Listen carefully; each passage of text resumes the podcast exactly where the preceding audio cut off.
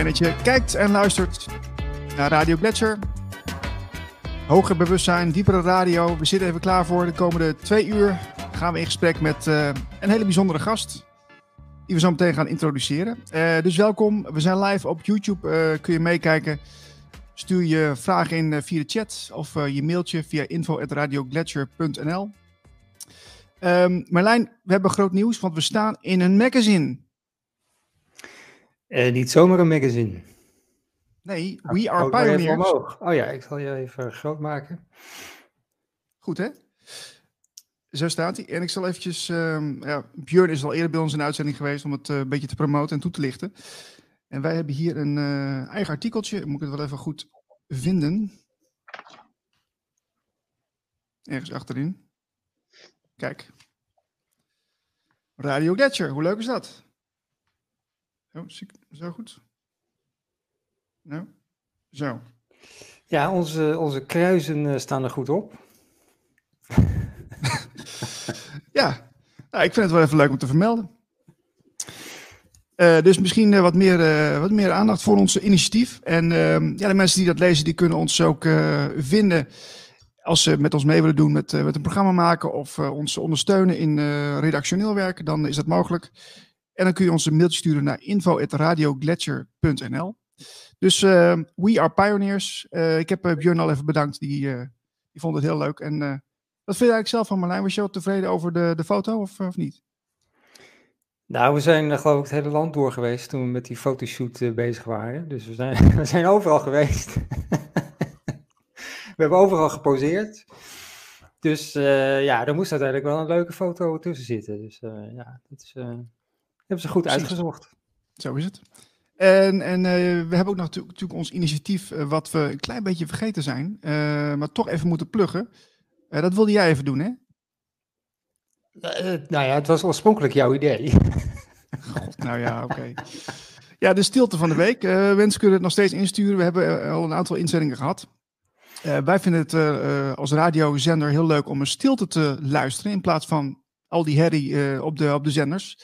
En laat nou je eigen stilte nou eens een keer horen. De stilte in je woonkamer, de stilte in je tuin of de stilte op je vakantiebestemming. Uh, neem het lekker op als je ergens lekker op een rustig moment zit, uh, zit te chillen. En uh, stuur het naar ons door. dan horen we graag ja, hoe je dat moment beleefd hebt. En dan zitten we lekker in jouw stiltebubbel. Dus stuur het naar info.radiogletscher.nl. Dan zijn we heel blij. En dan hopelijk komen er meer inzendingen bij. Um, ja, en dan wil ik even, voordat we naar de gast gaan, maar de gast mag ook meedoen, meedoen want uh, ik heb een soort quizje, zei ik vorige week al. Oh god, nee toch. Ja, ja, ja, ja. Het, het, het, het, is een, het is een klein, uh, ja, kijken of jullie, uh, of jullie het zien. Dat is eigenlijk het idee.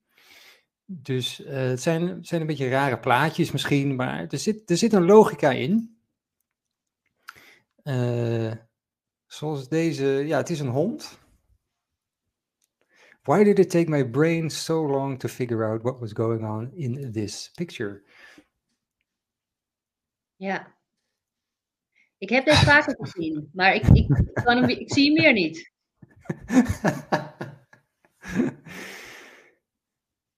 ja, het, ja ik, ik, nou, het, uh, of een soort kledingstuk wat ik nog ergens kan ontdekken, maar... Even kijken, zie je mijn muis? Ja, hè? Uh, dit stuk, dat denk je, oh, dat is een stuk van de hond. Maar dat, is, dat, hoef, dat reken je niet mee. Kijk, dit is de. Uh, even kijken. Je ziet het zelf ook niet meer, hè? Of wel? Dit is, nee, dit, dit, is de hond. Kijk, dit is de hond. En dan, dit is niks. En hier heb je de twee ogen. Dus hij, hij... Oh ja, ik zie hem. Oh, dit is zijn neus. Ja. Oh ja, ja. Ja, hij zit helemaal zo gedraaid. Zie jij het al, Niels? Niels gaat nu een beetje hetzelfde liggen als de hond. Oh ja, nu zie ik het ook, ja. Nu zie ik het ook. Ja, oh jeetje, nou. Ja, het is wel even, zijn nek heeft hij echt uh, enorm ja, ja, ja, ja, ja, ja, ja. Je moet niet te veel met je ogen knipperen, want dan ben je hem weer kwijt. Ja, even kijken. Uh... Dit doe jij dus in je vrije tijd, uh, Marlijn? Ja, dit doe ik in mijn vrije tijd. Nou ja, ik zag er nog één en dat was deze. En dan gaat het erom, of jullie eh, Elf, Elf kennen, kennen jullie wel hè? Elf is dat, eh, dat eh, Oh, die alien. die, die alien die bij die familie binnenkomt en dan eh, zoek Elf. Ja, die is hier rechts, toch? Rechts zit hij. Zie hem gelijk. Ja, die zie ik ook. Ja, ja. ja, die vond ik trouwens wel leuk, Elf. Ik vond het jammer dat het niet meer bestaat, dat, eh, die serie. Want het is natuurlijk gewoon een mevrouw die naar voren zit met iets raars in haar haar. Ja, dit is gewoon, een- dit is gewoon een, eh, een zonnebril in haar haar, inderdaad. Nou, daar heb ik, nog, heb ik er nog één en dat is echt eh, de allermoeilijkste. Eh, Even kijken. Dat is deze. Dit was een uitzending van NBC in Amerika, een nieuwsuitzending.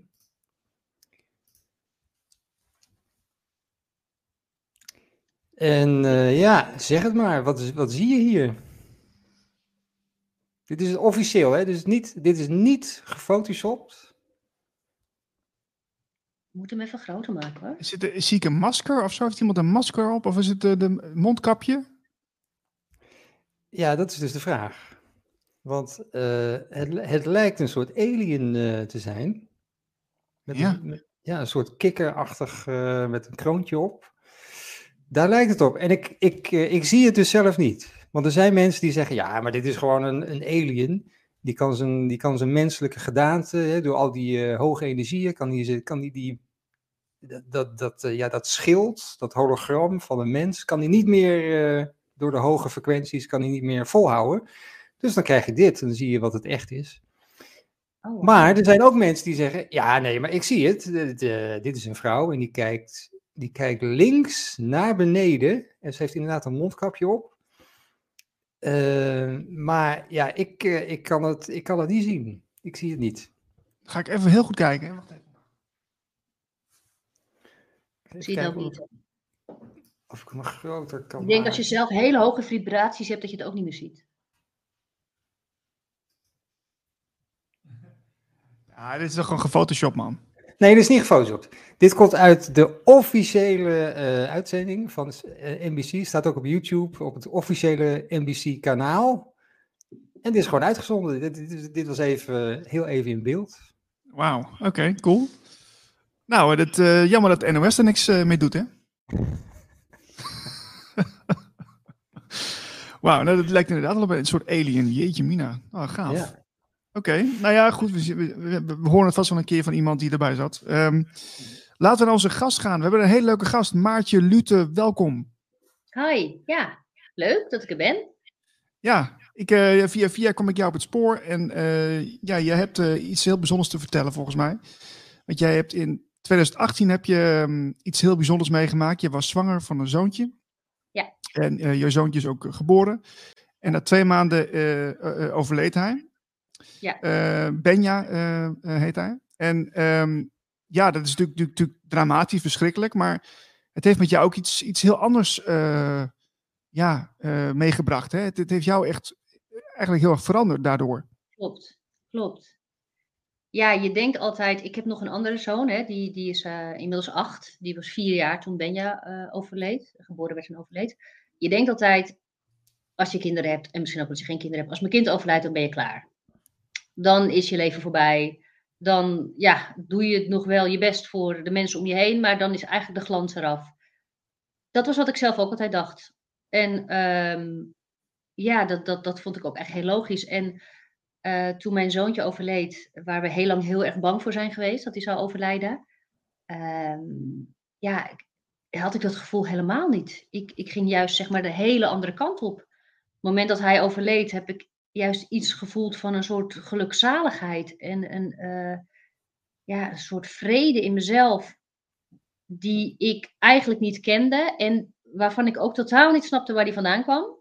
En waardoor ik ook best wel echt lange tijd heb gedacht dat ik gek was geworden.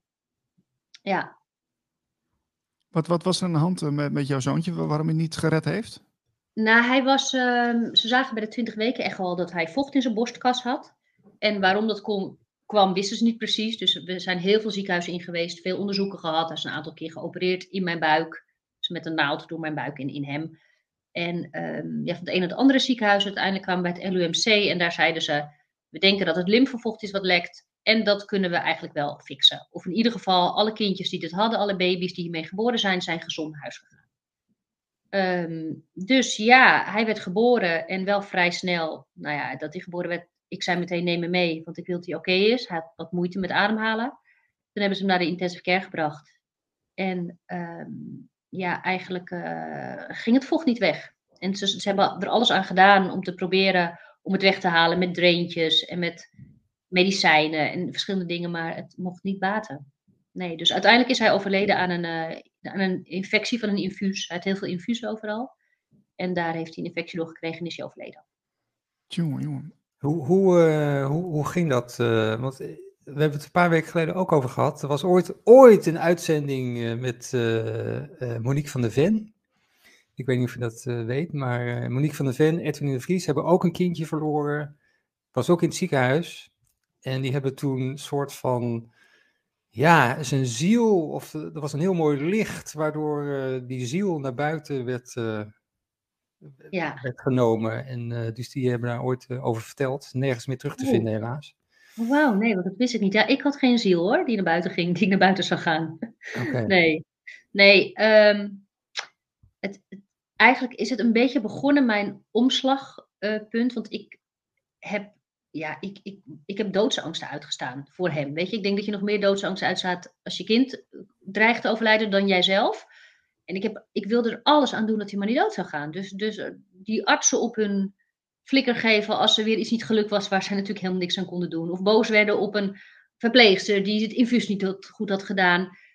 Um, en, en ja, ik, ik, ik, ik kon niet meer op een gegeven moment. Dus dus ik ben, uh, ik heb een vriendin gebeld. Ik zeg, je moet me helpen, want ik wil eigenlijk liever zelf in coma gebracht worden. En dan pas weer uitgehaald worden als, als mijn kind weer beter is. Want ik kan dit gewoon niet aan. Ik kan dit niet dragen, die, die angst.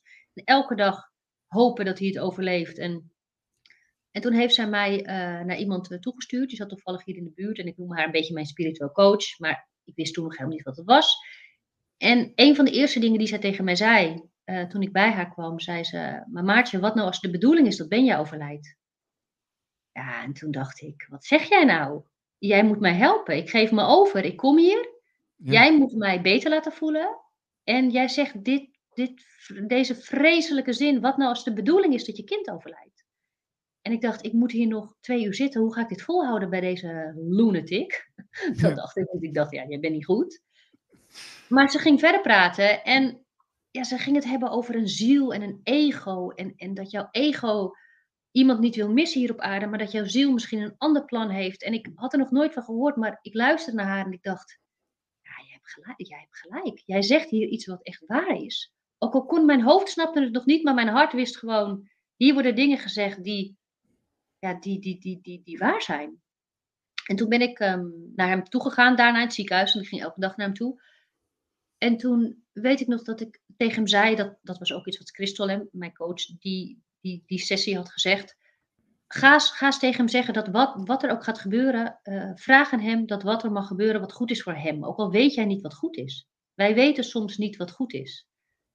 En toen dacht ik, ja, dat ga ik doen. En als ik dat, me dat dan is gelukt, dan blijft hij leven. Want dan heb ik mijn les geleerd. Weet je, dat mijn ego, die kon er wel, mijn mind kon er wel meteen een heel mooi verhaal van maken. Ja, ja. Um, en toen, ja, toen zat ik bij zijn bedje en toen zei ik ook tegen hem, weet je, ik heb het aller, allerliefst dat je bij me blijft. Maar als dat niet de bedoeling is en, en je moet gaan, dan ben ik er ook echt voor je. Ik ben je moeder en als jij moet gaan sterven, dan ben ik er ook voor je. En dat was, nou ja, eigenlijk twee weken later overleed hij. Dat was echt het punt dat het, dat het meteen slechter ging met hem. Achteraf denk ik, misschien heeft hij gewacht op dat moment, of dat ik er een soort van klaar voor was. Um, maar ik, ik, ja, er kwam een ander gevoel. Ik ging de dood niet meer helemaal uitsluiten. Ik was natuurlijk alleen maar aan het wegrennen voor die dood. Ik, ik wilde hem niet en ik was hem totaal aan het uitsluiten. En toen ineens kwam het besef, ja, misschien kan hij wel doodgaan. En wat dan? En, en wat als ik het toelaat, het idee dat hij, dat hij misschien gaat sterven? Ja. Maar ja. ik even naar, want je hebt natuurlijk jouw, um, uh, overtuigingen zijn natuurlijk heel erg uh, veranderd de, de, afgelopen jaren. Uh, voordat je met je spiritueel coach in aanraking kwam hè, en voordat dit gebeurde, hoe, hoe keek jij toen tegen de dood aan? Uh, nou, ik, ik wist altijd ergens wel dat het, dat het niet het einde kon zijn. Want ik had het als, als jong kind al dat ik dacht, hoe kan het nou toch dat wij ons leven leven. Hè? Dat doen we allemaal op ons best mogelijke manier. En iedereen probeert er het meeste uit te halen, het meeste geven aan de mensen om me heen. Dus iedereen doet op zijn of haar manier zijn best. En hoe kan het dan dat het eindstuk, het klapstuk, de finale is dat je doodgaat en dat was hem? Ja, dat vond ik gewoon niet logisch. Toen al niet. Dat ik dacht, dat, dat is toch gek? Dat is toch niet logisch? Dan heb je onwijs je best gedaan en dan ga je dood. En dat was hem. Ja. Maar ja, hoe dat verder. Ik, ik vond mediums ook altijd wel interessant. Maar hoe het allemaal precies zat, wist ik niet. En ik wist ook niet. Ja, ik, ik, ik dacht er ook niet heel veel over na. Het waren af en toe gedachten die voorbij kwamen. Maar ik was er niet heel erg mee bezig. Nee. Oké, ja, ja. Ja, en dan, dan, uh, dan gebeurt het. Maar dat is natuurlijk, kunnen we wel zeggen van ja, en ik voel uiteindelijk wel liefde en zo. Maar uh, dat is natuurlijk ook gewoon uh, zwaar kut. Nou, ik vond het vooral zwaar kut toen hij in het ziekenhuis lag. En dat, ik, dat ik zo bang was dat hij doodging. Eigenlijk voor mij voelde het dat hij dood was, was voelde voor mij minder erg dan de angst dat hij dood zou gaan dat verbaasde me ook heel erg. En ja, en toen was hij dood inderdaad. En in het begin was ik echt bijna euforisch. Dat ik s'avonds ook met hem thuis kwam. Hè. Hij was overleden, we mochten hem mee naar huis nemen voor het eerst. En dat mensen hoorden natuurlijk dat hij overleden was. En die gingen naar mij bellen. En Maartje, wat een hel en wat een nachtmerrie. Wat vreselijk. En ik kon alleen maar zeggen, ja, maar ik ben zo gelukkig. Want ik heb mijn kind geboren kunnen laten worden en ik heb hem kunnen laten sterven. Ik ben zo gelukkig. Ja, en mensen lieten me toen nog een beetje gaan, want die dachten, ja, de kind is net dood. Ik uh, ga er maar niet tegen in of uh, laat hem maar een beetje. Maar dat gevoel, dat bleef. En dat overheerste eigenlijk wel, het kutgevoel. Het was gewoon heel intens om, om, om twee maanden en ook al daarvoor vreselijk bang te zijn. En die angst. En ik kon op dat moment al met een soort van medelijden naar mezelf kijken van die periode daarvoor. Hoe, ik vond het echt zielig voor mezelf inderdaad. Dat ik dat heb doorstaan of heb moeten doorstaan. Maar toen hij eenmaal dood was, overheerste gewoon echt iets anders. Ja, maar je, hebt eigenlijk, je zou kunnen zeggen dat je hebt de, de, de angst voor de dood heb je overwonnen. Nou, ik vraag het op mezelf wel eens af. Of ik bang ben om dood te gaan. Ik ben denk niet bang om dood te zijn, maar misschien wel om dood te gaan. Lijkt me toch wel spannend. Ja. ja. Was, was dat ook uh, dat, dat dat euforische gevoel, um, kan dat ook doordat je, je bent natuurlijk, uh, want het was twee weken toch? Twee weken lang? Hij, hij heeft twee maanden geleefd. Oh, twee maanden, ja, twee maanden. Ja, de laatste twee weken begon ik een beetje, mijn perceptie begon een beetje anders te worden, ja. Maar dan, dan heb je wel uh, zijn hele leven, zeg maar, heb, ben je bij hem geweest. Want jij hebt ja. twee maanden geleefd, maar je bent, er, ja. je bent zijn hele leven ben je er gewoon bij geweest. Ja. Dat is natuurlijk niet, niet zo als, je, als iemand gewoon opgroeit, want dan moet je op, op een gegeven moment moet je iemand dan loslaten. Maar ja. nu ben je, ja, je bent heel, uh, ja, hoe moet je dat Nou ja, ik, ik, ben wel bij hem geweest, maar ook weer niet. Want ik kon natuurlijk, ik bedoel, s'nachts was ik niet bij hem. Ik, ik ging weer naar huis, naar mijn andere zoon toe. Ik ben wel, weet je, elke paar uur per dag was ik bij hem en kon hij bij mij liggen buidelen. Maar voor de rest was ik thuis en keek ik naar het cameraatje wat op zijn gezicht stond. En zag ik dat hij heel hard aan het huilen was en er kwam niemand. Weet je, je baby die net geboren is, die wil je natuurlijk bij je houden. die wil je al beschermen, alles. Dat kon helemaal niet. En ik zag dan weer dat hij een nieuw infuus had. Waar kwam dat weer vandaan? Ja, maar het is wel waar dat hij, dat, dat ik wel uh, ja, er toch voor hem heb kunnen zijn op, op, een bepaalde manier. En ook voor hem toen hij stierf. Ja. En hoe reageerden mensen daarna op? Hè? Want dan je, je zegt van, nou ja, de, de, mensen in mijn omgeving niet meer maar, die zeiden van, ja, laat hem even, want uh, de, de, ze zit nou in het proces. Maar op een gegeven moment, je bleef daar natuurlijk gewoon in. Je bleef gewoon ja. uh, vertellen van, nou, ik voel me nog steeds gewoon heel goed. Ik voel me hier goed bij. En ja. op een gegeven moment gingen mensen daar toch wel iets van, van vinden, ja. neem ik aan. Ja. Hoe ging dat? Um, nou ja, um, ik, ik, weet je, achteraf hoor je dan altijd van, van mensen die zeggen, oh ja, ik dacht echt dat je manisch was geworden. Of dat je, ja, ja, ja een vriendin zei echt manisch. Een andere vriendin heeft ook tegen mij gezegd, Maart, je hoeft je niet groot te houden voor Benja. En um, weet je, ze dachten dat ik me aan het groot houden was. En, met, en veel mensen, als ik dit vertel, zeggen ze, bedoelden ze dan Boas. Hè? Boas is mijn andere zoon, van hoef je niet groot te houden voor Boas. Maar zij voelde dat wel goed aan. Je hoeft je niet groot te houden voor Benja. Weet je, hij is overleden. En je kan het aan, dat hebben we gezien, maar je mag ook verdriet hebben. En ja, dus, maar ik zei tegen mensen, jongens, als ik verdriet heb, jullie zijn echt ook de eerste die het horen. Dan, dan kom ik ook bij jullie. Ik voel het gewoon nu gewoon niet zo. En het is niet, ik ben voor mijn idee niet iets aan het onderdrukken. al is dat natuurlijk heel vaak wel weer dom. En dan kwam het, weet je, hoe meer mensen erover begonnen, dacht ik, ja, misschien onderdruk ik het wel. Misschien moet ik wel echt naar een goede psycholoog toe. Of ik moet in rouwtherapie. Misschien ben ik mijn verdriet aan het onderdrukken. En dan ging ik ook wel echt proberen dat verdriet op te wekken. Ehm, ja, en, en ik, ik kan me nog goed herinneren dat ik echt op de bank lag en een beetje kwaad op mezelf ook werd. Dat ik dacht, godsamme maat, je kind is net dood. Wat ben je nou voor moeder dat je oké bent? En je zit iedereen maar te vertellen dat je oké bent. Wat, ja, je hebt waarschijnlijk niet genoeg van hem gehouden. Want dan, anders kan je je niet zo voelen. Ja, volgens de samenleving klopt er iets bij jou niet natuurlijk, hè? Ja, en, ja klopt. Ja. En ja, dat ik dus echt ook een beetje pissig op mezelf werd. Dat ik dacht, weet je, er was hij een paar weken dood. En dan had ik, zet ik zijn muziek aan op zijn kamertje van de uitvaart. En hij had zo'n geurtje dat hij bij ons lag. En dan deed ik dat. dacht ik, ik, waar is mijn verdriet? Dat ik echt hardop heb gezegd, Maartje, waar is jouw verdriet? Ik wilde eigenlijk die wanhoop weer voelen die ik voelde toen hij in het ziekenhuis lag. Dat ik thuis met mijn hoofd onder een kussen lag. Daar was ik naar op zoek. Want dat stond voor mij gelijk een soort aan houden van of zo. Weet je, die pijn voelen. Ja, want als je pijn voelt, dan betekent het dat je van hem houdt. En ik stond in zijn kamertje en ik dacht, ik ga mezelf dramatisch zo langs de muur naar beneden laten vallen. Weet je, dan wek ik het misschien al een beetje op. En ik ging zitten. Ja, echt. Echt waar. En, ehm, en toen ging ik zitten en ik ging aan hem denken. En ik voelde gewoon echt een glimlach op mijn gezicht komen. Het enige wat ik kon denken was, weet je wat, en hier word ik emotioneel van. Maar ik hou zo vreselijk veel van je. En dat gevoel was gewoon niet weg. Nee. En ondertussen dacht ik dat ik gek was, maar ik dacht, ik hou zoveel van hem. En ik voel ook gewoon zijn liefde. Ik kan niet gek zijn. Ja. Heb je, heb je ooit, uh, of heb je nu het antwoord waarom die moest sterven? Um, waarom die moest sterven? Ik, ik, ik, ik snap inmiddels meer van wat wij hier komen doen op aarde. En ik, ik, ik snap dat er bepaalde, kijk, wij noemen het soms levenslessen, maar dat kunnen ervaringen, vind ik altijd een vriendelijke woord. Ja.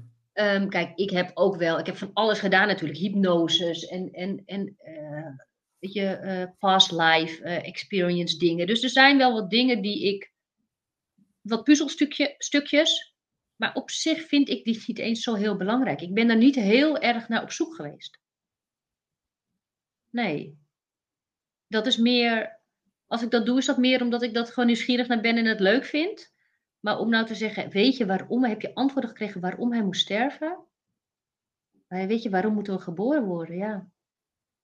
Nou, je, je hoort het wel eens. Ik vind sterven ook niet zo'n ding eigenlijk.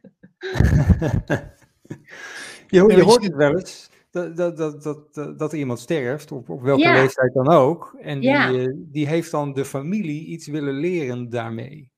Nou ja, ik heb wel echt een missie met hem. Weet je, als dat je vraag is, uh, die ik misschien net niet helemaal goed begreep, maar um, ik heb wel door dit meegemaakt te hebben met hem en nog steeds heel erg zijn leiding te voelen, zijn uh, guidance, heb ik wel echt iets de wereld in te zetten, denk ik, ja. Ja, en daarvoor heeft hij wel moeten serven, anders dan hadden we geen verhaal. Ja, ja precies. Ja, dat, dat is eigenlijk het gevolg ervan. Dus klinkt ja. wel logisch, maar ja, goed. Ja. ja. Hm. Oké. ja, het is, het is ook wat, hè? Ja. Ja. En, en, uh, maar je, je, bent nu best wel een lange tijd verder met, met, met, met deze thematiek. Dat je, dat je in 2019 ben je begonnen met een eigen magazine ook, hè? Ja. Ja, Nel Magazine. Kun je wat vertellen? Hoe, hoe, ja. dat is, uh, hoe, dat, ja. hoe dat zit? Ja, ik, uh, toen, toen ben je overleden, dan kom je dus ineens in een soort uh, dode wereld, uh, dode babywereld, weet je, waar je echt geen idee van hebt dat dat bestaat. Dat wil je ook helemaal niet. Mensen zeggen wel ja, je hoort ineens bij een club waar je echt niet bij wil horen. Maar ja, er gebeurt dus heel veel. Er zijn eigenlijk best wel veel baby's die overlijden. Uh, die natuurlijk te vroeg geboren worden of zwangerschapsafbrekingen. En na de 24 weken of voor de 24 weken. Um, weet je, bij mij op de afdeling waar Benja lag, overleed elke week één babytje. Weet je, en dat is één dat is één, uh, één ziekenhuis. Dus, dus er gebeurt heel veel. En, en uh, ja, je komt daar dan in terecht. En wat mij opviel en wat ik eigenlijk ja, niet als heel prettig heb ervaren, is dat het altijd ging over het verlies en over het verdriet en over de zwaarte. En ja, ik, ik dacht, weet je, ook altijd als mensen aan mij vroegen hoeveel kinderen heb je? Nou, ik heb er één, maar ik had er twee. En dan vertelde ik en dan krijg je natuurlijk zo'n gezicht van, ah, wat logisch is. Dat deed ik zelf ook altijd. Maar ik wilde graag ook over Benja vertellen dat ik zoveel van hem hield. En dat ik zo trots op hem was. Dat ik zo dankbaar was geweest dat hij er was, was geweest. En voor mij nog steeds was. En uh, ook voor mensen die niet per se dat contact nog voelen, is je kind natuurlijk gewoon nog. En, en het, ze zijn meer dan alleen die ene minuut dat ze gestorven zijn. Maar het leek wel of daar alles op werd gefocust. En dat stoorde me heel erg. En ja, toen kreeg ik ook, de, ik, ik denk inmiddels dat het van Benja komt, toen ik het nog niet helemaal door. Maar er is meer dan alleen verdriet als een kind overlijdt.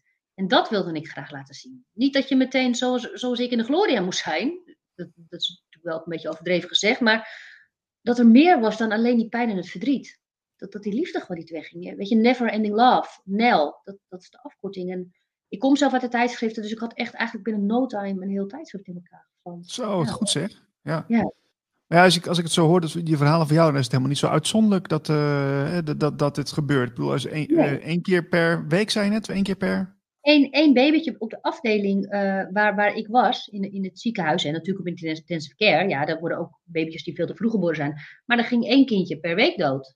Ja. En dat zijn echt baby's, prematuurbaby's.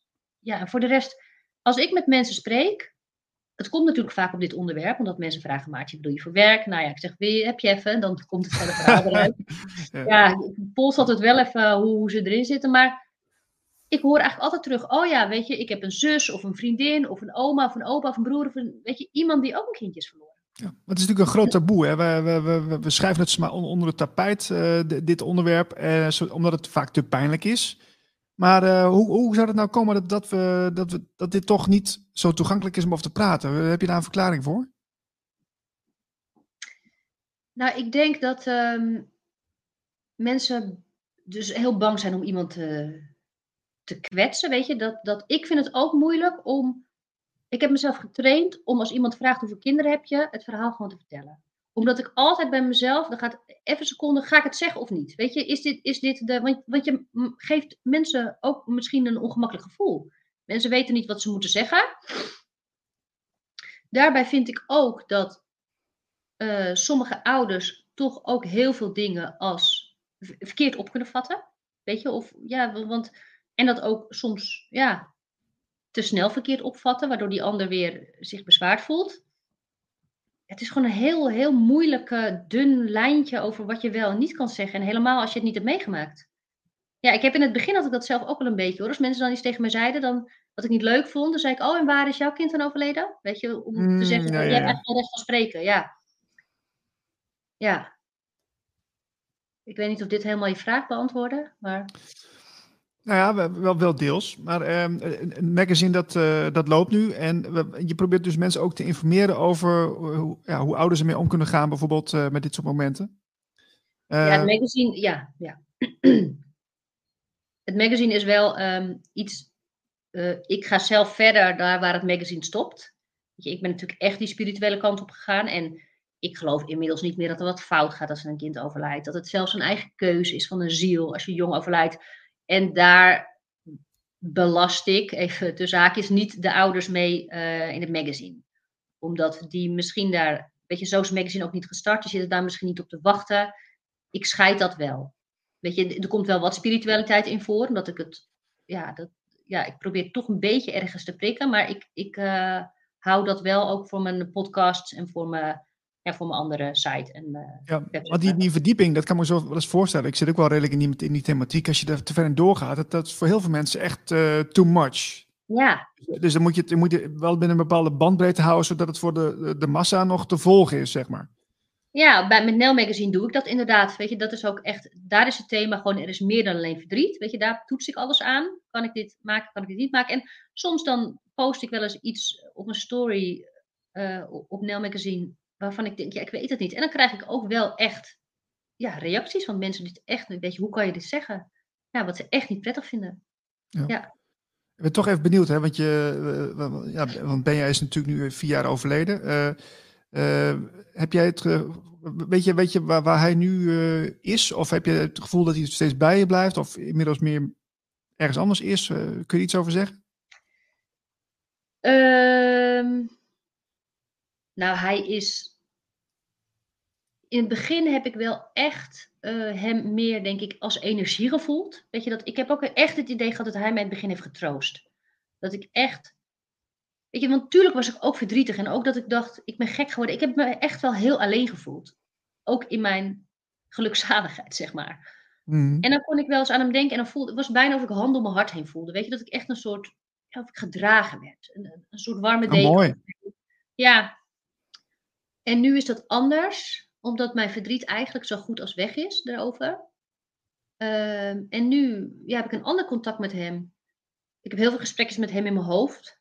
Waarvan ik soms heel duidelijk weet dat hij het is. En soms denk ik, maar lul je nou in? Weet je, dan weet ik het niet helemaal. Maar ik krijg ehm, ja, wel inspiratie van hem, dingen door. En ik schrijf veel. Dan doe ik automatisch schrift. En dan krijg ik ook wel dingen van hem door. Dus, maar of hij de hele dag er is. Ja, vaak als ik even een momentje stil ben en ik sta naar buiten en ik sta te staren. Dan, dan, dan komt hij altijd wel eventjes. Ja. Ja, het is, is een, eh, een, eh, leuk overgangetje naar, ehm, naar, naar channeling eigenlijk. Hè? Want je zegt van, eh, ben ik nou zelf deze gedachte of wat hoor ik nou eigenlijk? Maar want jij bent ook wel met channeling bezig, of je, hebt- je hebt in ieder geval wel informatie over. Wat, wat, wat, wat voor verschil zit daarin dan? Want het is best subtiel, hè? Ehm, wat, wat channeling is, bedoel je? Ja, wat, wat, hoe, hoe jij dat ziet. Is het, eh, is, lijkt het heel erg op wat jij nu schetst, of is het echt iets anders? Ehm, ja, channeling. Ik denk als ik inderdaad ehm, eh, schrijf hè, vanuit hem. Dus, dus ik, ik ga in een soort meditatieve staat. En dat is niet echt heel spannend hoor. Dat is gewoon, weet je, even je ademhaling op orde en muziek en gewoon niet gestoord worden. En dan kan je dingen schrijven en dan kan ik, en dan lees ik het laatst terug. denk ik, huh, heb ik dit geschreven? Zo, Maart, wat eh, wijze woorden. Weet je, dat is niet iets wat van tevoren bij mij opkomt. Dan kan ik, en het is ook, zijn ook andere woorden wat ik zelf gebruik. En dat is dus een soort channeling. Ehm, ja, en ja, weet je, en andere mensen kunnen weer andere eh, wezens of overleden mensen channelen. Kijk, ik heb echt natuurlijk zo'n linkje met Benja. Benja heeft letterlijk in mij gezeten. En hij zit voor mijn gevoel nog steeds in mij. Dus er komt waarschijnlijk ook wel heel veel van mijn eigen visie. Wij zijn zo verweven in elkaar. Ja, dat ik. Weet je, en echt met die, met die channeling dingen, dat, dat hou ik ook voor mezelf hoor. Dat is niet iets waar ik echt mee naar buiten treed. Misschien gaat dat nog gebeuren, maar dat is nu iets nou, waar ik zelf gewoon ja, wijsheid aan vergaar. Of waar ik zelf Ja. aan heb. Nou, misschien is het wel de bedoeling dat je, dat je deze informatie juist brengt. Want je doet het met heel veel passie volgens mij. Je, je weet er ook veel van. Je hebt natuurlijk zelf ervaring eh, hiermee. Ik, ik, Eh, ik, deel zeker ook informatie hoor, maar dit nog niet. Ja, ja. maar de, kijk, het zou natuurlijk fantastisch zijn. eh, Tenminste, als het een soort paradigmaverschuiving teweeg kan brengen, ja, uiteindelijk. Ja, ja, weet je, mijn, mijn echt, mijn missie is mensen een ander perspectief op de dood geven. Eh, ik dacht eerst altijd omdat ze dan anders konden rouwen, maar het is eigenlijk omdat je gewoon anders naar het leven gaat kijken. Ja, ja Dus wat dat is leven? snapt- Ja. ja, wij zijn hier eigenlijk gewoon op fieldtrip.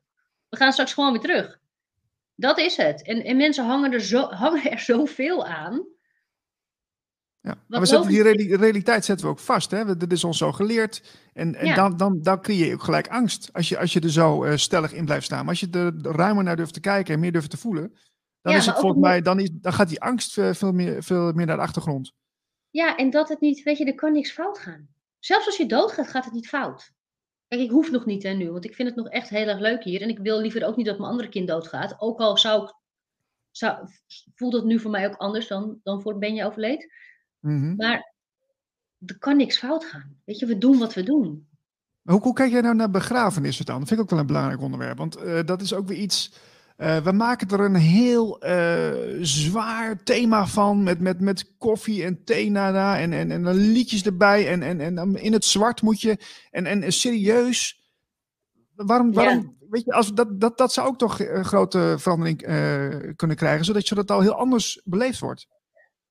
Ja. Of vind je dat dan mooi of zo? ehm, ik moet even hoesten, sorry.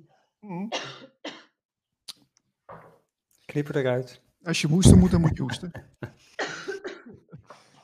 Zijn er nog eh, vragen binnengekomen, Marlijn, op de chat? Is dat misschien wel leuk om te checken op eh, YouTube? Of, eh? Nee, er zijn nog geen vragen. Maar ja, inderdaad, die, eh, die begrafenissen, daar ga ik ook niet meer heen.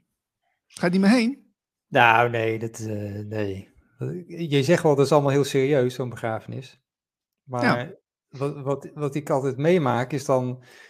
Iedereen doet zo zijn best om, om niet in dat gevoel te gaan. Dus een beetje... Of mensen gaan het weglachen, of je gaan... ja, laten we nog maar even een leuke herinnering ophalen, of, of dit of dat. Maar alles om maar niet naar dat gevoel van gewoon, ja, gewoon te berusten in, uh, in het gevoel wat er dan is. Je hoeft natuurlijk niet meteen, je hebt natuurlijk een periode van rouw. En, en ik heb eigenlijk niks met rouw. Hè. Mensen gingen mij ook altijd alles doorsturen wat met rouw te maken had. Dacht ik, interesseert me gewoon niet. En inmiddels weet ik waarom omdat als je anders naar de dood kijkt, dat je eigenlijk helemaal niet meer hoeft te rouwen. Maar je mist natuurlijk wel fysiek iemand. Weet je, er is wel wat gebeurd. En ben jij bij twee maanden oud? We hebben een prachtige begrafenis gehad. Eh, weet je, waar ik gewoon, ja, waar ik zoveel aan heb gehad en zoveel uit heb gehaald. Want ik gewoon, ja, het was ook niet met zwart en het was mooie muziek. En, maar ik, dat heeft mij heel erg ook wel getroost. Weet je, dat keek ik echt met plezier op terug.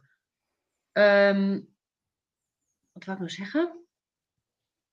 Oh ja, Benja die is maar twee maanden oud geworden.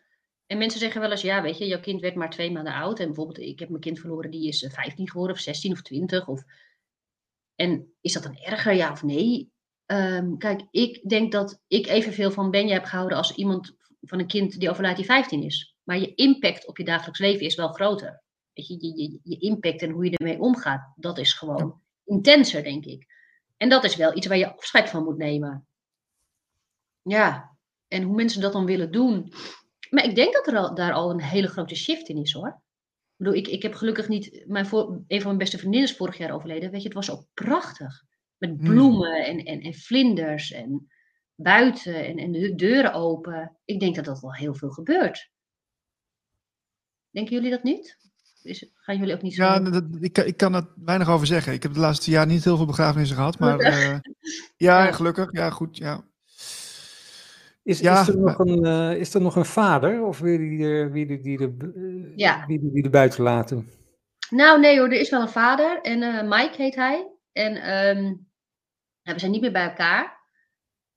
Um, dat komt onder andere omdat Mike er heel anders mee om is gegaan dan ik. En dat is natuurlijk met mijn, hoe ik het heb gedaan, niet zo gek. Ik denk dat iedereen er heel anders mee om is gegaan. Maar Mike is vooral echt gaan vluchten. En uh, ja, is op dat moment ook heel veel gaan drinken. En heeft zich echt een beetje. Ja, die, die is totaal niet gaan voelen. Ik weet, ik weet ook nog niet of hij het op dit moment ooit wel eens. Ja, of hij het toelaat. Hij leest mijn boek nu ook. Maar uh, ja, volgens mij komt hij niet echt verder dan, dan uh, de geboorte ja, die is daar gewoon heel anders mee omgegaan dan ik. Ja. Kun je nog wel met hem praten hierover? Ja, zeker. Ehm, en hij heeft ook altijd wel, als ik dan mijn dingen deelde met hoe ik het zag en hoe ik het voelde, zei hij wel, maar als jij, als jij het vertelt, dan snap ik het. Weet je, maar als op het moment dat jij weg bent, dan is het ook weg. Weet je, hij kon, als ik dan aan het praten was, hij hing wel aan mijn lippen en hij luisterde ook naar, weet je, ik heb Benja geïnterviewd via, met, via een medium hè, in een podcast. Daar luistert hij ook graag naar. Dat vindt hij ook fantastisch. Dus hij staat er ook wel voor open. Maar om dat zelf echt op die manier in zijn leven te verweven, dat, dat, uh, dat, dat, dat lukt hem niet of dat wil hij niet. Ja. Oh, dat, moet, dat moeten we misschien eventjes uh, in, in, in, onze nieuwsbrief meenemen, die, die, die podcast. Dat vind ik wel interessant. Ja. Uh, hoe, hoe, was dat eigenlijk? Hoe was het om te doen? Ja, ik, ja, gaaf was dat om te doen. Um, en ik heb een heel goed medium uh, gevonden die uh, mij op een gegeven moment benaderd heeft. En die ook ja, berichten van Benja doorgaf. En het fijne aan haar vond ik was dat, dat zij heel erg down to earth was. En um, kijk, weet je, iedereen kan tegen mij vertellen: Oh, Benja houdt heel erg van je en hij mist je. Nou, ik geloof niet eens dat hij me mist, want hij kan bij me zijn wanneer hij wil. Maar hij is trots op je. Weet je, als mediums dat tegen mij zeggen, zeg ik: Ja, vertel me wat nieuws. Dat, dat, dat kan ik tegen iedereen vertellen. Dan kan jij ook, eh, iedereen kan dan een medium zijn. En het is altijd waar, hè? Dus tuurlijk, het is waar. Maar zij kwam echt met nieuwe informatie. En, en ook dat ze zei, maatje, dat de eerste keer dat ik Benja bij me had, was ik not very amused. Het was echt een heftige spirit, zeg maar, of een heftige energie, waar ik wel een beetje van schrok ook. En het feit dat ze dat tegen mij zei, daardoor had ik meteen vertrouwen in wat zij doorkreeg. Weet je, want het is misschien helemaal niet leuk om tegen iemand te zeggen, weet je, jouw overleden kind, ik vond het niet zo fijn om hem te voelen. Maar ik vond het juist fijn dat ze dat zei. Ja. dus ik heb toen ook aan haar gevraagd. Want ik ben op een gegeven moment s'nachts wakker geworden. En toen dacht ik, weet je, dit kwam ook van Benja, denk ik dan. Ik moest een podcastserie maken. Middernacht had ik wakker. Ik had nog nooit een podcast geluisterd. Ik wist amper hoe je het schreef. Maar ik moest een podcastserie maken. En ik wist meteen wie ik wilde interviewen. En ik heb die mensen de volgende dag gemaild. En iedereen zei binnen een dag, ja is oké. Je best wel ben een beetje een tuintouwer en een manukiers. en, nou ja, en dus ook Benja. En toen heb ik haar gevraagd, mag ik Benja interviewen via jou? Toen zei ze, nou, daar ga ik even over nadenken. Dat overleg ik even met hem. En toen zei ze, hij vindt het goed, maar hij wil jou ook vragen stellen. Dus dat heeft hij ook gedaan. Prachtig, prachtig. Ja, misschien moeten we niet alles van verklappen. Dan kunnen de, hebben de mensen geen reden meer om te luisteren. Maar uh, wat, uh, kun je misschien één dingetje noemen wat, wat, uh, ja, wat je heel erg is bijgebleven? Nou, op een gegeven moment vroeg ik aan hem. Ik zat toen ook nog wel een beetje in de fase van: heb ik het wel goed gedaan? Weet je, oh, ja. vind het niet erg dat ik oké ben met zijn dood? En toen vroeg ik ook. Um, en dat vroeg ik een beetje. En iets van: ben ik een goede moeder geweest of zo? Of, of ben jij nog mijn kind? Of hoe vond je het om mijn kind te zijn? En toen zei hij, maar ik ben uh, jouw kind niet, ik ben jouw vader. Oké. Ja, oké, oké, oké. En toen, oké. En toen, uh, dus dit waren mijn vragen aan hem. En toen kwam Brigitte, dus het medium, terug. Toen hij vragen aan mij ging stellen. En die zei, ja, ben je eens benieuwd, wat vind je daarvan dat hij dat zei? Ik ben jouw vader. Ben je praat altijd cryptisch tegen mij, hè? Ik krijg altijd een soort uh, rebus dingen. En toen dacht ik, nou, ik snap het wel een beetje. Weet je, hij voelt echt voor mij als een soort iemand die mij leidt. En iemand die mij troost. En iemand die mij voorgaat. Weet je, dat is een vaderfiguur. Ik heb ook best wel snel, toen hij overleden was, het gevoel gekregen. Dat, ik had ook echt een visioen dat hij opgroeide ineens. Hij was ineens groter dan ik. Hij was niet meer mijn baby. Dan, dan zag ik wel foto's. Dat, in het begin kon ik dat niet helemaal rijmen. Maar hij voelde helemaal, helemaal niet meer als mijn baby. Hij was, moet, ja, moet ik dat begrijpen als een soort parallele tijdlijn waarin dat wel gewoon, uh, waarin het vooral wel doorgaat, zeg maar? Nee, dat, dat kun je begrijpen, denk ik, doordat. Um, kijk, hier op aarde zat hij in een babylijf. Dat, daar beginnen we allemaal mee. Maar zijn ziel was een stuk ontwikkelder dan mijn ziel, denk ik. Weet je, en, en dan kan je het hebben over meerdere levens, maar goed, dat. Uh, Ehm, vorige levens en nieuw en, en, volgende levens. Soms is alles ook, weet je, alles ook weer gelijk. Dat wordt misschien weer een andere, andere aflevering.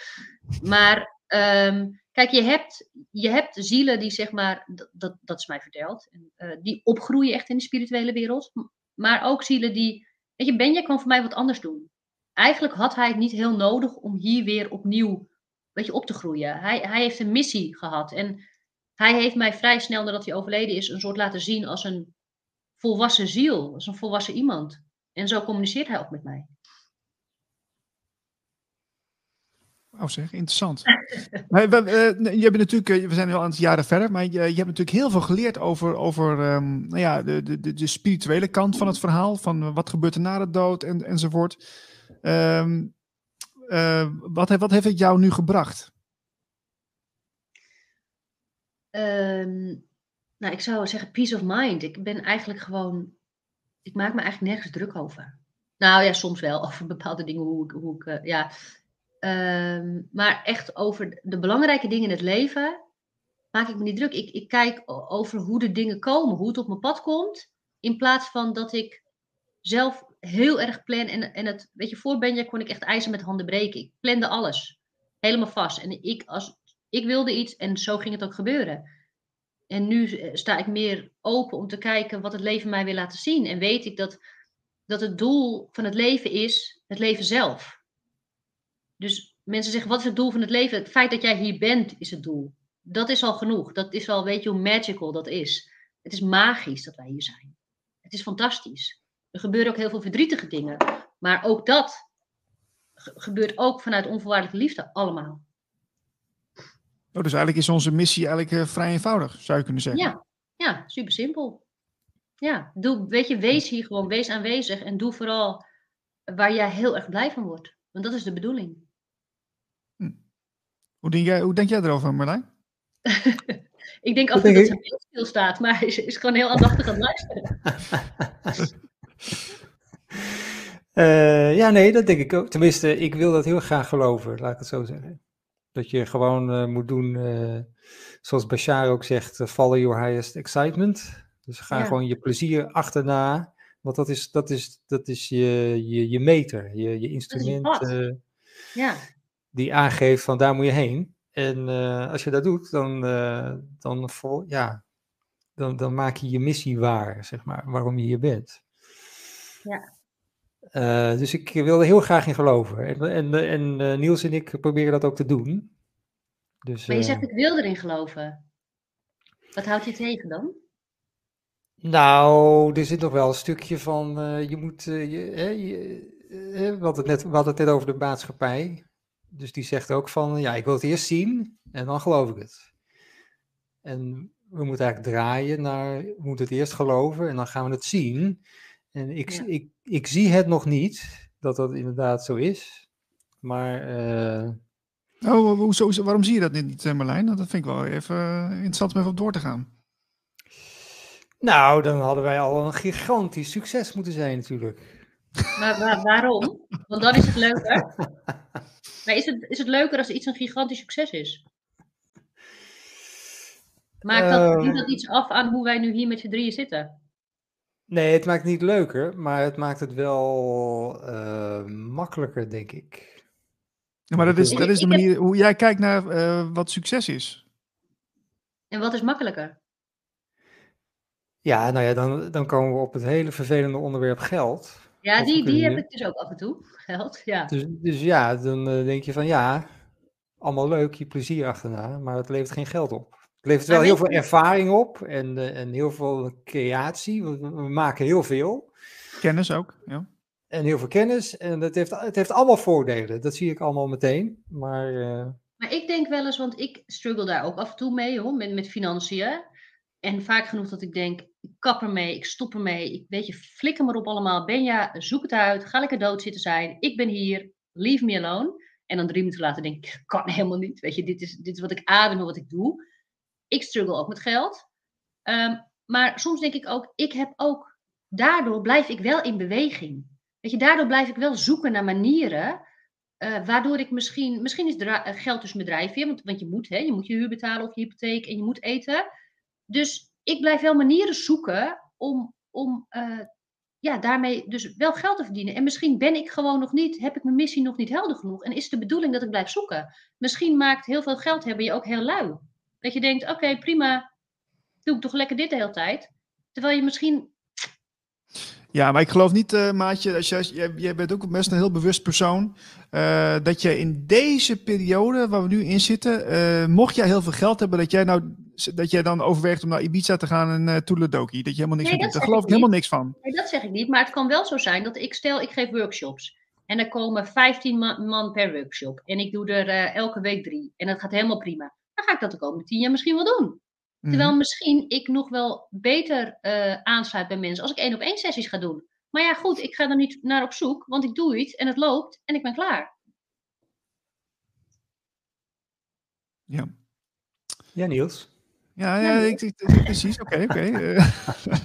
Weet je wat ik, ehm, mag ik, ehm, eh, wat jij net zei Marlijn over, eh, we willen natuurlijk altijd eerst graag, eh, op aarde willen graag eerst zien en dan geloven. En het gaat eigenlijk om eerst geloven en dan zien. Of in ieder geval, dat, dat is van boven. En dat is een van de eerste dingen die Benja mij verteld heeft, toen ik nog niet, toen hij dood was, toen ik nog niet wist dat hij het was. Maar ik stond bij zijn bedje en hij was dus net overleden en hij moest bijna gecremeerd worden. En ik had gouden oorbellen in en die had ik de hele tijd, of nou ja, soort van goud. En die had ik de hele tijd ehm, ingehad, dat hij eh, ja, in het ziekenhuis was. En ik dacht, weet je wat, dan doe ik die uit en dan leg ik die bij hem in zijn bedje, dan verstop ik die. En dan als ik over een paar maanden naar Medium ga, hè, want dat vond ik altijd wel interessant, en die begint over die gouden oorbellen, dan weet ik dat het waar is wat zij zegt. En dan weet ik dat je dus niet weg bent als je dood bent. En het moment dat ik dat dacht, kreeg ik zin in mijn hoofd. Eh, maar hier waar wij zijn, gaat het niet om bewijzen. Bewijzen zijn iets aards. En waar wij zijn, gaat het om liefde en vertrouwen. En het feit dat ik wist dat het niet van mezelf kwam, is omdat ik het woord aards hoorde. En ik gebruikte nooit het woord aards. Inmiddels wel iets vaker, maar toen echt nooit. En ik, dat was voor het eerst dat ik dacht, er komt iets in mijn hoofd dat niet uit mijn eigen gedachten voortvloeit. Ja, ja, ja, ja. ja. En, en toen dacht ik, hé, hey, dat is waar. Toen dacht ik ook, ik ging verder erover nadenken en ik dacht, je hebt toch ook wel eens van die ehm, eh, programma's op tv met zo'n char die dan een letter hoort en dan moet ze een naam raden en het lukt niet en wij willen dan dat zij die hele naam goed uitspelt. Dat ik dacht, ja, maar het, weet je, they don't give a fuck. Het maakt, daar gaat het helemaal niet om. Zij hoeven niet te bewijzen dat zij er nog zijn als ze dood zijn, want het is gewoon zo. Het enige wat zij ons willen, wat zij ons willen meegeven is die liefde en het vertrouwen hebben dat ze er nog zijn. Want dan gaat er iets anders gebeuren. Zij zijn er helemaal niet. Weet je, anders zouden ze ons al lottogetallen geven. Of anders zouden ze precies laten zien als er mensen zijn vermoord waar die dan liggen. Maar daar gaat het helemaal niet om. Daar zijn ze niet voor. Dat willen wij op aarde graag allemaal. Ja. Heb, heb, jij een bepaald uh, beeld van hoe dat dan eruit ziet, die, uh, de, de achterkant van de deur? Uh, nou, ik, ik doe wel eens een soort visualisaties. En met bepaalde muziek, weet je, dan, dan, ja, dan ga ik zeg maar in een soort van fantasiestaat. En dan zie ik wel bepaalde landschappen. Um, maar goed, ik weet ook. Ik, ik, geloof ook heel erg dat het eruit gaat zien zoals jij bedenkt dat het eruit gaat zien. Weet je, dat het geen vaste vorm heeft. Dat, dat, het, dat het gewoon aansluit op jouw geloofsovertuiging. Als jij gelooft dat het een prachtig onderwaterwereld is, is het een prachtig onderwaterwereld. Als je gelooft dat er niks is, zal je zeer waarschijnlijk in het begin, als het echt jouw hele vaste overtuiging is, niks zien. Doordat je denkt, wat de fuck, moet ik hier voor de eeuwigheid in niks zijn? Ja, dat schijnt ook zo te zijn bij mensen die uh, uh, heel erg uh, christelijk zijn opgevoed, of die, die heel erg gelovig zijn geweest. Als die erover gaan, wordt er gezegd dat ze dan ook vaak worden opgehaald door, door zo'n figuur. Zo'n een, bijbel, een, bijbel, nee, een, bij, een bijbelfiguur bijvoorbeeld. Ja. En dat ja. ze dan ook inderdaad dat stukje heel erg mee, meenemen. En dat, heeft, staat perfect aan bij de, de, de beleving en de overtuiging van die persoon. Ja, ja. Ja, ik, ik geloof dat het, dat het voor daar zo werkt, maar ook voor hier. Weet je, dus jij, als jij ervoor kiest om, om dit of dat te geloven, om de wereld zo te zien, dat het zich ook gaat vormen naar jou, hoe jij het, hoe jij het gelooft. Ja. Nee, maar dat, is, dat, dat klopt helemaal. Ik bedoel, ik heb ook periodes gehad dat ik uh, best wel um, uh, soms in trance uh, heb kunnen zitten en dan vervolgens ga je de deur uit en dan ben je best wel in diepe meditatie geweest. Voel je ontzettend lekker, helemaal licht en, en ja, je, ook bijna euforisch zou je kunnen zeggen. Dan, dan, dan als je dan over straat loopt, dan ziet de wereld er ook heel anders uit. Dan zie je inderdaad mensen veel vriendelijker zijn, veel, veel vrolijker. De wereld is veel mooier. En dan vervolgens, als je een paar weken later bent en je maakt je weer boos omdat uh, dat er iets in de politiek gebeurt of iets dergelijks. En je gaat dan op straat lopen. Nou, moet je kijken wat een hel uh, op aarde je ziet hoor. Eh, brommers die opeens elkaar aanrijden, mensen die opeens allemaal boos kijken. Ik denk van, nou ja, uh, dat zie ik dan opeens. Dat, dat, ja. dat doen we zelf. Ja. Ja. Ja. Maar goed. Want, jij, hoe, zien jullie, hoe zien jullie de dood? Wat, wat denken jullie waar je heen gaat? Um, ja, ik denk wel dat je, je wordt, zoals ik het nu begrepen heb, ik heb er meerdere boeken over gelezen. Je wordt dan, uh, hangt een beetje van je, van je staat van zijn af. Ben je een ervaren ziel of niet zo'n ervaren ziel? Dan word je meegenomen door je gids of meerdere gidsen. En uh, dan kom je bij ja, zo'n plek terecht waar je heel veel dingen leert. Dus je, je, je, je schijnt ook te werken in uh, groepszielen. Uh, dus ja. meerdere mensen die dan tegelijkertijd incarneren op aarde. Dus die, die herken je dan ook weer. Die, die om, ja. Precies, die komen je dan weer tegemoet. En dan, nou, dat is een heel fijn samen zijn. En dan ga je eerst een tijdje ga je, ja, bijkomen. Dus je gaat naar een aparte plek toe om, om ja, even tot rust te komen. En nou, even, even je zinnen te verzetten. Vervolgens ga je dat reflecteren. Je gaat, tenminste wat ik begrepen heb, je gaat het leven wat je geleid hebt, ga je reflecteren met een meester. Dus ja. Nou ja, dat wordt dan gezegd. Dus, uh, en dan vervolgens ga je weer langzaam... Allemaal, denk ik, hè? Ja, exact. Ja, ja, ja. ja. Maar goed, dat is dat, ik heb dan, ik heb, ik heb er niet uh, tientallen boeken over gelezen, dus ik moet daar een beetje voorzichtig in zijn. Maar dat is een, er wordt, wordt gezegd door heel veel mensen dat het ongeveer zo gaat. Ja. ja. En dan, en dan misschien wel weer. Uh, of resoneert dat bij jou? Ja, dat, dat resoneert bij mij wel, ja. Ja, dat, is echt gewoon uh, steeds... En ook naar andere werelden kunnen gaan die helemaal niks te maken hebben met die, die andere dimensies bevatten dan wat wij op aarde kennen. Die, die misschien alleen maar hele mooie natuur hebben of misschien ja, uh, anders gelaagd is of, of, of ver, ver, ver buiten de aarde liggen. En waar je ook allemaal ervaring op kan doen. Dingen kunt creëren en kunt onderzoeken. En het is eigenlijk een, een grote leer- en ervaarschool waar we in zitten. En nou, dat dat vind ik wel een mooie, mooie, ja, mooie overtuiging. Ja. Maar eigenlijk is de aarde daar gewoon een onderdeel van. Ja, ja, hoor, ja, ja. ja, aarde schijnt wel een... Leerschool. Oh, je voelt het even weg. Maar de, de aarde schijnt wel een uh, hele specifieke plek te zijn. Waar, uh, ja, als je, als je hier bent, op dit moment vooral, is dat wel heel speciaal, wordt gezegd. Ja. Maar ik denk ook, dan kan ik ook wel eens een beetje om ons heen kijken. En sommige mensen vind je leuk en sommige vind je niet zo leuk. Maar, je, maar dat ik dan denk, kan denken, wat dapper allemaal van jullie. Jullie hebben toch allemaal gekozen om hier toch die aarde, naar die aarde toe te gaan. Dit avontuur aan te gaan. Wat echt wel een heftige ja, exercitie is. Wat echt niet zomaar in je koude kleren gaat zitten. En jullie hebben het allemaal gedaan. Ja, ja weet je, je kan wel eens over iemand denken wat er niets nut. Maar je bent, bij, bij, je bent al geen niets nut als je hier bent. Ja. ja. Ja. en wat is ook wel interessant is, er schijnen dus ook heel veel zielen die, die blijven in die zielenwereld bewust hangen, omdat ze ja, omdat ze eigenlijk helemaal geen zin hebben om te incarneren. Dat vond ik, vond ik zo grappig om te lezen. Die zitten dus gewoon echt jarenlang. Nee, dit, ze hebben gewoon geen zin. En dan worden, worden ze af en toe wel aangemoedigd van... nou, kom op eens even, trek je ruimte pakken aan... en ze gaan eens een keer op aarde een keer wat doen. En uiteindelijk, uiteindelijk doen ze het dan ook wel weer. Maar ja, dat is dus die keuze heb je dus. Dat zeg ik altijd tegen mijn kind als ze iets niet wil. zeg ik, jij hebt zelf voor gekozen. Ja. Ja. en je hebt natuurlijk heel veel, heel veel, heel veel zielen, hele oude zielen... die zoveel ervaring hebben gehad. En dat, dat, dat vind ik wel dat je dat wel merkt... Um, uh, als je met mensen in contact bent, dan heb je vaak wel het idee van, nou, die, uh, dat, ja, dat is een, wel een oude ziel. Ik herken dat wel steeds het beter. is, want oude zielen, uh, want ik, ik geloof dat jullie ook een uitzending genoemd met Wietke Koolhof. Ja, ja. Ja, van Arjoen. zij channelt Arjoen van de Jajel, een IT is dat. Ja, en ik ben met haar in contact gekomen, ook via Benja. Benja heeft ons aan elkaar gekoppeld. Serieus? Oh, ja. wauw. Cool. Ja, die heeft echt die heeft haar echt op haar schouder getikt. En terwijl zij eigenlijk weinig heeft met dode mensen, maar hem zag ze wel. En echt, ga die meelezen van Maartje, want ze had mijn mail al weggegooid. Dus, uh, maar ik, ik, ik heb dus ook een aantal podcasts met hem opgenomen, hè, met Arjoen. Dus, dus via Wieteke. En um, ja, hij kan mij ook zoveel vertellen over, over de dood, wat het is. En um, waar, hoe kwam ik hier nou op? Waar had jij het net over? Ik ben even mijn verhaal kwijt. Uh, nou ja, dat zielen soms, uh, ja, of oude zielen hebben we het over. Oh ja, oude zielen. Nee, want ik heb ook inderdaad een vraag aan, aan, van mij en Arjoen is. Weet je, ouders die troosten vaak zichzelf met de gedachte, mijn kind was een oude ziel. Weet je, die hoeft er nog maar even op aarde te komen. Klopt dat idee? Weet je, zijn er oude zielen? En, en hij zegt dan, Arjoen die um, reflecteert dan aan ons terug, zoals hij dat zo mooi zegt. Uh, er is geen tijd weet je, tijd, ruimte is iets wat wij hier op aarde hebben bedacht. Dus er is geen tijd. Dus er bestaat ook geen oud en jong. Dus, dus iets kan niet vele uh, vorige levens hebben gehad. Ik, ben, ik kan dat nog niet helemaal met mijn, met mijn gedachten bij hoor. Maar um, hij zegt dat, een, dat, een, dat het meer te maken heeft met de verbindingen die je hebt als ziel. Want we hebben allemaal een overziel. Hè, en een soort parapluutje. En dan zouden aan mijn vingers nog weer allemaal handjes zitten, zeg maar zo. Ja.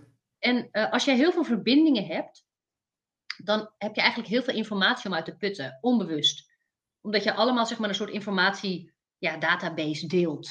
En, en dan kunnen mensen overkomen als een oude ziel, omdat ze vaak wat meer diepgang hebben, niet zo oppervlakkig zijn over dingen nadenken. Um, dus hij legt uit dat het vaak een oude ziel, wat wij een oude ziel noemen, is gewoon eigenlijk iemand met veel verbindingen. Die, die veel zelf uh, verbinding heeft met andere zielen. Ah, oké. Dus, dus we, begrijpen het eigenlijk te, te, ja, we begrijpen het verkeerd als ik het zo hoor. Wij begrijpen eigenlijk alles natuurlijk vanuit ons mensbeeld. Weet je, ik heb ook wel eens, mijn vriendin is dan overleden vorig jaar en ik probeer ik ook wel eens contact mee te maken en dat lukt ook wel eens. En ook een keer dat ik zo zwakker ben dat ik dacht, wat ben je nou aan het doen de hele dag? Weet je, als je dood bent, wat doe je dan de hele dag? Sta je op? Slaap je? Ik ben gewoon benieuwd, vertel mij eens wat je, wat je gewoon doet de hele dag. En toen kreeg ik alleen maar terug, ja, maar wij doen niet, wij zijn. Weet je, en ik dacht, weet je, wat een kut antwoord, want dat hoor je de hele tijd. Maar ja, ga dat maar eens snappen dus. Je doet niet, je bent gewoon. Ja, ik kan dat. Ik snap dat niet. Snappen jullie dat? Ja, is dat ook weer uh, leven vanuit je gevoel? Is dat uh, al, die, al die verschillende gevoelens, al die verschillende energieën die, ja, die, uh, die je hebt of die je bent? En dat je die gewoon, dat, ja, het lijkt bijna, dan heb je geen vrije wil meer, want dan ga je gewoon maar mee in, in wat er gebeurt. Ja. Ja, maar ik denk dus dat er niet zoveel gebeurt. ik denk dat er ook niet zoveel gebeurt. Ik denk dat je daar dus gewoon bent. Dat je, ja. Ja, maar het, punt is wel natuurlijk, uh, in deze wereld is zijn niet genoeg op dit moment, hè? Ehm, ja, wie bepaalt Je moet iets doen. Je moet iets doen. Ja, wie zegt dat? Ja. Ja, nee, ik heb het niet bedacht. Maar uh, kijk, je moet als je wil overleven of je wil uh, ergens bij horen, dan moet je toch uh, ja, met die hele, dat hele proces wat, wat ons mens maakt, hè, de, moet je mee. Dus je moet wel meedoen in de samenleving, anders dan ben je gewoon een outcast. Ja, meedoen in de samenleving met werken omdat je dan je hypotheek kan betalen of eten of, of wat? Nou ja, je moet, kijk, ja, als je de hele dag alleen maar zit, dat, is, dat, dat, dat geeft toch geen vervulling, zou je zeggen? Nee. Dus ik, daar, goed, dat is Ja, mijn perceptie. ik Ik, dus ik denk dat het ook gezond is dat je met elkaar in verbinding bent. Dat je mensen ontmoet en dat je eh, dingen uitwisselt en ervaring opdoet. Eh, maar goed, ja. Ja, Er zijn vele eh, ingangen. dat is ook wat ik het liefst doe, inderdaad. Ja. Ja.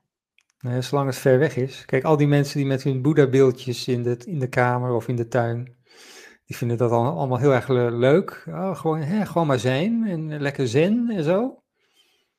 Maar iedereen om hen, he- om hen heen, ja, daar wordt wel van verwacht dat die eh, gewoon eh, dingen doen en, eh, en niet te stilzitten. En, Door die mensen die zen zijn, bedoel je?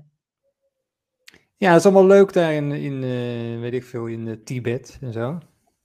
Het is allemaal leuk dat het bestaat, en, eh, maar daar hebben we gewoon beeldjes van. Maar eh, hier in Nederland, ja, hier doen we het gewoon natuurlijk gewoon zoals het hoort. En, eh, Ja. gewoon, eh, Maar Haatje, ik even terug naar jou, want je, je bent nu ook eh, bezig om, ehm, ja, om, om die informatie te verspreiden. Je, ge- je geeft ook workshops volgens mij, hè?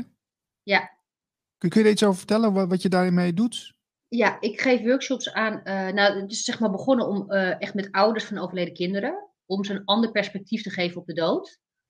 Ehm, en daarin leg ik een beetje mijn visie uit. Weet je, wat de dood eigenlijk is. Hoe je er anders naar kan kijken. Ehm, maar dat is natuurlijk vrij cognitief. Het gaat er ook over dat ze zelf kunnen voelen. Dus dat je die verbinding nog kunt maken met iemand die overleden is. En ehm, ja, dat doen we onder andere door visualisaties. Eh, ik leer ze hoe je kaarten kan trekken. Ook hoe je automatisch schrift, weet je, hoe je boodschappen door kan krijgen. Hoe je om tekens kan vragen. Mensen die overleden zijn. Dat, dat, eh, En ehm, ja, en, en, en het helpt ze ook vaak. Het zijn dan, weet je, zes of acht eh, personen in een groep. Ehm, dat het toch mensen zijn die, ja, hun kind is overleden, maar die toch ook geloven dat er nog wat is daarna. Weet je, en, en voor, ik praat er heel makkelijk over, maar voor sommige mensen zeggen, ja, ik, ik kan hier met niemand over spreken. Dus die, die vinden dan elkaar en, en die horen ook, weet je, we zijn ook niet gek. Weet je, of die misschien inderdaad wel eens teken hebben gehad. Ja. Waarvan ze denken, hoe kan dat nou? Maar dat is wel interessant, hè? Want die, die tekens, ik, ik, eh, ja, ik heb ook wel eens eh, de, contact met, met, eh, ja, met, met eh, andere dimensies, laat ik het zo maar zeggen, of, of gidsen. En dan, dan vraag ik ook wel eens om tekens. En ik zie heel vaak die dubbele getallen. Dat is ook wel Ja. een leuk dingetje. Maar heb, heb jij nog een ander voorbeeld van, van, van dat soort tekenen? Nou, het was wel mooi. Ik, had een, ehm, ik, had, ik nam laatst een podcast op voor Nel Magazine. Eh, van een moeder die had een zoontje verloren. En die had een benefietconcert georganiseerd. En het artikel ging over muziek en wat dat voor je kan betekenen. En dus het was echt voor Nel Magazine. Hè, dus niet zozeer over wat ik nog doe. En toen zei ze ook, ja, weet je, ik kan wel eens onzeker zijn over waar hij nu is. En, dan- en dan vraag ik me echt, dan kan ik me hardop afvragen van... Tobias, waar ben je nu? En ik zit met haar in gesprek en ze zegt dus, Tobias, waar ben je nu? Nee, zegt ze, hé, hey, er vliegt hier een vlinder naar binnen. Dus ik zeg, ja, daar heb je hem. Hè? Hoe bedoel je nou? Ik zeg, dat vind ik een teken. Weet je, als jij echt expliciet vraagt, weet je, waar ben je nou? En er vliegt een vlinder je, je, je kamer in of, of eh, in je raam. Dat vind ik een teken. Ik zeg niet dat Tobias die vlinder is, maar ik geloof wel dat zij bepaalde dingen kunnen sturen. En eh, wat je ook zegt over dubbele getallen, of ik heb heel veel eh, veertjes gevonden op de grond nadat Benja overleden is. Ehm, ja, dan kan je zeggen, een poes heeft een duif gepakt, ergens op de hoek van de straat. Dat kan. Maar wat tekens vaak zijn, ehm, hoe ik het heb begrepen, is wat zij doen van boven. Want van boven proberen ze eigenlijk altijd contact te maken met ons. En helemaal onze dierbaren die zijn overleden willen graag laten weten dat het goed met ze gaat. Dat ze er zijn. Dat doen ze heel subtiel. Wij hebben op aarde vrije wil. We kunnen kiezen of we dat geloven. Weet je, ik heb wel eens gevraagd waarom stuurt hij mij geen brief? Als hij toch al van alles zo goed kan of een appje. Hij kan toch wat met energie? Stuur me dan een e-mail. Maar we hebben de vrije wil om te kiezen wat we daarmee doen. En wat zij doen met tekenen, zij schijnen zeg maar hun liefde vanuit daar. Of weet je, ze zijn onder ons, weet je, met ruimte is net als met tijd. Het is iets, een ander concept. Maar, en, en wij herkennen dat, onbewust. Dus wij herkennen die liefde als een soort schijnwerpertje die ergens op geschenen wordt. En daar wordt onze aandacht naartoe getrokken. Dus iets komt helderder bij je binnen. Dat heb je misschien ook al met die cijfers. Of soms dat je iets ergens geschreven ziet staan. Of je hoort een nummer. Het lijkt wel of het een beetje meer zonder filter bij je binnenkomt. Ja, ik zie vaak die dubbele getallen zie ik vaak meerdere keer op een dag. En eh, dat Ja. gaat soms dagen achter elkaar. En het, Ja. mij, ja, voor mij is dat de bevestiging van hé, hey, eh, ik zit wel ergens op de goede weg of zo. Ja, ja en, en eh, als jij voor jezelf dat eraan hangt, gaat dat het ook betekenen. hè? En mensen kunnen ook tegen je zeggen, ja, het is uh, een selectieve perceptie. Omdat als mm. jij uh, zelf een rood autootje hebt, zie je overal rode auto's. Ja. Maar je stelt je er ook voor open. Dus uh, je gaat het ook zien. Het is ook trainen. En, en het vertrouwen hebben. En, en dat is ook met tekenen van boven. dat het is voor hun ook fijn als wij, uh, als we ze laten weten, weet je, ik, ik, ik geloof het of ik snap het. Dat, dat maakt het ook makkelijker voor hen om dingen te doen. Ja, en als je dan met ouders uh, in, ja, in, in een ruimte zit, je gaat dan oefenen om contact te maken, wat, uh, wat, wat, wat doe je dan precies? Nou ja, ik, ik doe dus ehm, ik, eigenlijk wat ik ze leer. Ik heb zelf een opleiding mediumschap gedaan, echt. Hè, dan ga je dus echt, echt overleden mensen doorkrijgen. En dat, dat is niet zozeer wat ik ze leer, maar ik leer ze heel erg om het verschil te voelen tussen hun, ik noem het de ziel en je ego. Mensen zullen het allerlei namen kunnen geven, maar er is iets in jou of je intuïtie of iets wat er voor open staat. En dat is er. Het is vaak de rol van onze ego of onze rational mind die die dingen uh, als, uh, weet je, als onzin verklaart. Dus ik ga ze heel goed verschil laten voelen. Weet je, wat gebeurt er nu met je? Je krijgt iets door en wat gebeurt er in je hoofd? Of we gaan kaarten trekken en dan leg ik uit hoe je dat doet. Iedereen kan dat. Het is helemaal niet zo ingewikkeld of spannend. En wat valt jou op aan een kaart? Weet je, wat zie je hier? Ik kan jou een kaart laten zien, Niels, en Marlijn dezelfde kaart. En je valt jullie allebei iets anders op. En dat komt omdat het, uh, weet je, als je dan de intentie hebt om contact te maken met iemand, is dat hetgene waar ze je aandacht op willen vestigen. Dus, dus wat vertelt zo'n kaartje? Weet je, er komen hele verhalen van mensen. En soms staan er dingen op dat ze zeggen, weet je, een groene kaart dat was zijn lievelingskleur. Weet je, er zijn ook heel vaak dingen die, die ze meteen herkennen. Ik, ik vind het een van de leukste oefeningen. Er komt altijd iets moois uit. Het is nooit dat iemand zegt, ik weet niet wat ik hiermee moet. Nooit. Kan, kan iedereen uh, volgens jou medium zijn? Of, of uh... Ja. Ja, ik denk dat... Uh, kijk, er wordt wel eens gezegd, iedereen kan voetballen, niet iedereen is Johan Cruijff. Weet je, iedereen heeft dat contact. Wij, komen daar vandaan. Het, er wordt ons al jaren verteld dat, weet je wat de dood is, en eerst door de kerk en daarna misschien door de medische of door de wetenschap, dat wij alleen hier bestaan, maar wij komen daar vandaan. Er is niks makkelijker dan contact hebben met daar eigenlijk. Kijk, en ja, sommige mensen hebben meer talent, maar iedereen kan dat trainen. Maar we zijn er waarschijnlijk ook, we zijn het afgeleerd, denk ik ook. We zijn zo onwetend gemaakt en we hebben alles maar. Uh tot onzin of toeval? Ja, toeval, vooral toeval. Toeval is iets wat jou toevalt van boven. Dat is het toeval. Ja. Maar, je, je, had net over de kerk, hè? dat vind ik wel even leuk om over door te gaan. Uh, nu wordt de wetenschap eigenlijk een beetje in die uh, ja, plek gezet van dat is hetgene waar je in moet geloven. Uh, zie, je dat ook, zie je de wetenschap als een, als een nieuwe vorm van religie?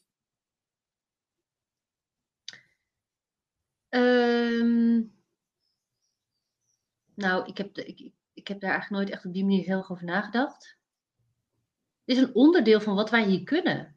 Maar het is niet allesomvattend. Het, kan niet, het, gaat niet over alles. Het is iets. Ja. Wat wij allemaal, wat we ontwikkeld hebben. En wat zeer waarschijnlijk heel erg nuttig is voor bepaalde dingen. Maar voor bepaalde dingen ook niet. Kijk, wat de wetenschap doet, ook, ook de medische wetenschap, is ook de dood uitsluiten. Alles wordt eraan gedaan om maar niet dood te gaan. Ja, en je, ziet dus heel veel uh, ja, ja, invloedrijke clubjes in de wereld die, uh, die bezig zijn om de mens onsterfelijk te maken. Dus met, met allemaal technologie, met chips, om, om ervoor te zorgen dat, uh, dat, ja, dat een onsterfelijk ja, menselijk ras eigenlijk creëren. De, de, de, transhumanisme wordt wel eens over gesproken. Ja, dat, dat, ik vind dat best wel enge gedachten als, we, als we die kant op gaan. Want dan, dan gaan we dus echt ja, ik bedoel, de, de, dood hoort toch, dat is toch, uh, op een gegeven moment is het verhaaltje klaar, toch? Dan, dan, ga, dan is het tijd voor je. Ja, maar ja, weet je, als die mensen dat allemaal willen doen, mogen ze doen. Ja, als zij dat leuk vinden, als dat hun passie is. ja, het is meer dat ik denk, ik, uh, ik wil op een gegeven moment wel dood. Ja, en wat anderen doen. Ja.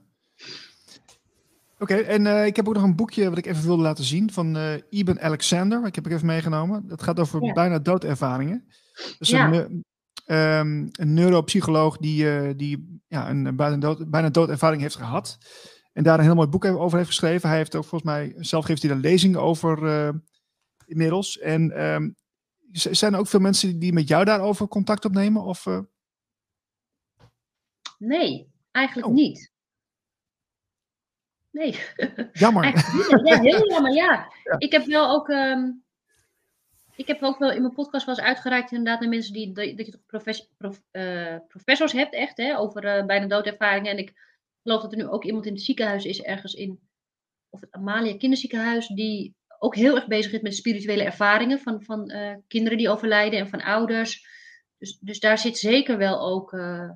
mijn, ligt wel mijn interesse. Ja, maar ik heb daar nog niet echt eh, mensen over gesproken, nee. Oké. Wat, wat wil je verder nog kwijt over de dood? Ik? Ja. Ehm, Misschien- Misschien ook over doodsangst, want dat hebben mensen natuurlijk ook, eh, dat is flink opgevoerd de laatste jaren. Ja. Ik denk dat dat, ehm, dat interessant zou kunnen zijn voor mensen om zich er meer in te verdiepen in wat de dood eigenlijk is. En ja, ik denk dat mensen dat heel veel kan brengen. Ze hoeven niet, ik heb natuurlijk een ander perspectief op de dood. Ze hoeven niet mijn perspectief over te nemen. Maar ga eens, ja, weet je, er is zoveel, net als het boek ook dan, wat Niels laat zien, er is zoveel interessante dingen over de dood. Ja, en, en, en er is niks zo, er is niks zo, hoort bij het leven als de dood. Ik denk toch dat we daar allemaal zo vreselijk bang voor zijn. Dat klopt toch niet? Ja, en, en er gaat gewoon ni- ni- er gaat niks fout als je doodgaat. Je, bent niet uit, je wordt niet uit het leven gerukt. Er is geen parallel leven wat je eigenlijk had geleefd, maar je bent, het is eerder gestopt. Ja, dit is dus mijn perspectief, daar kan ik uren over doorpraten. Maar ga zelfs op onderzoek uit, want je komt tot zoveel mooie ontdekkingen. Ja. Je hebt natuurlijk wel verhalen over eh, zielen die blijven hangen in een bepaalde sfeer. Hè? Eh, Ja. of, of, of- dat is natuurlijk wel wat minder aangenaam, zou je kunnen zeggen. Ja. Ja, dat, ja, dat, dat, eh, daar, daar, spreekt Arjoen ook wel eens over. Daar heb ik ook wel eens over. dat, inderdaad, dat mensen gewoon niet doorhebben dat ze dood zijn. Ja, weet je, met kinderen gebeurt dat minder vaak, omdat die nog zo in verbinding staan eigenlijk. Weet je, die, die hebben nog niet die geloofsovertuiging van oudere mensen misschien. weet je, die gaan meer go with the flow. En als je dan overlijdt, dan, dan gaat het meer vanzelf. Ehm, ja, dat, dat is wel. Ik, heb, ik ben daar niet echt expert op, dat gebied. Maar het lijkt me niet leuk. Nee. En wat, wat kunnen we verder van jou verwachten? Want jij, eh, oh, je hebt ook een boekje geschreven natuurlijk, hè? Ja, ik heb een boek geschreven. Ehm, het heet Benja's Present. Ik weet niet of het is. Gaat hij zo'n spiegelbeeld? Ja. Dus Mijn lijn kan hem eventjes vergroten, denk ik. Ja. Yes. Yes. En ehm, de, ik ben het boek eigenlijk begonnen met schrijven toen Benja in het ziekenhuis lag. En ik helemaal niet wist nog dat hij doodging en hoe dat zou gaan. Ehm, omdat ik mensen op de hoogte hield van hoe het ging. Eerst met appjes allemaal. Maar dat kon ik op een gegeven moment niet meer bijhouden. Dus ik ben een blog gaan schrijven. Ik ben een, ik schrijf, ik ben een schrijver. Dus dat was een mooie manier. En ehm, dat, dat werd heel goed gelezen. Echt, mensen ook die ik niet kende gingen dat lezen. Het werd bijna een beetje een real life soap. Maar dan ja, echt een life soap. En toen overleed hij. En toen had ik natuurlijk niet meer de noodzaak om het voor mensen te vertellen wat er gebeurde. Maar ik merkte dat ik het zelf zo fijn vond om elke dag aan het einde van de dag op te schrijven wat er die dag gebeurd was. Wat is er belangrijk? Wat kan ik loslaten? Wat, ja, dus dat ben ik blijven doen. En ehm, ook in mijn hele proces dus met dat, dat, dat ik me eigenlijk heel gelukkig voelde.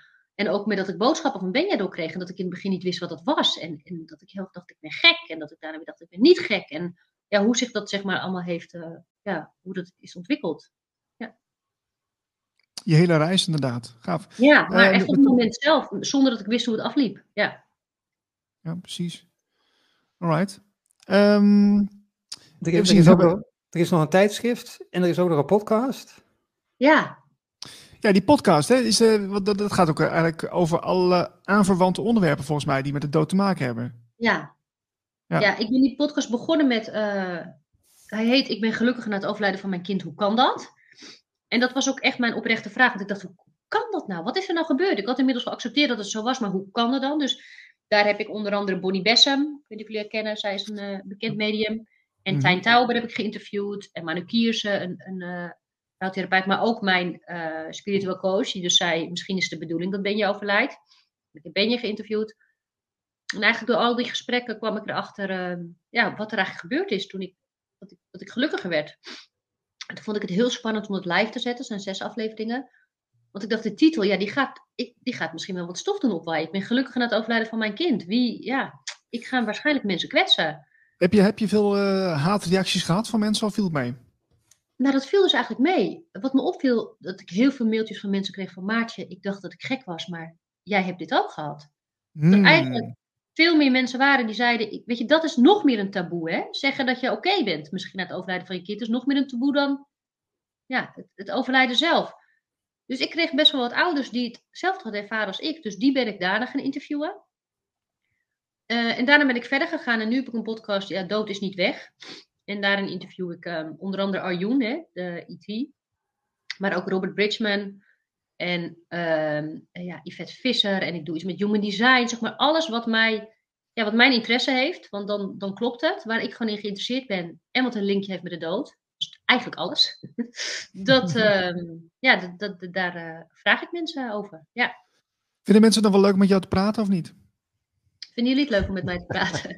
ah, ik wel, maar ja goed, wij, wij zijn Radio Gletscher, hè, dus wij, uh, wij, vind, wij houden hiervan, van dit soort onderwerpen. Maar uh, ik, ik, kan me voorstellen dat je omgeving denkt van, nou ja, uh, die heeft een nou, afslag mijn, genomen. Mijn twee beste vriendinnen zeggen wel, ik mag het niet meer hebben over aliens op verjaardagen.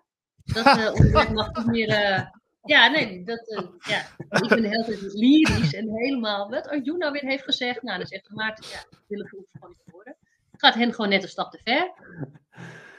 Ja, en ja, ik, kijk, ik kies natuurlijk wel een beetje de mensen uit. Ik, ik praat hier wel heel graag over. En er zijn gewoon heel veel mensen in mijn omgeving die hier ook mee bezig zijn. Of met spiritualiteit of ander bewustzijn, misschien nog beter, een beter woord. Want ja, dus, en met die mensen, ja, dat, dat, dat kan ik uh, uren over praten, ja. En er zijn ook mensen waarvan ik denk, ik weet niet wat ik tegen jou moet zeggen. En jij weet ook niet meer wat je tegen mij moet zeggen, ja.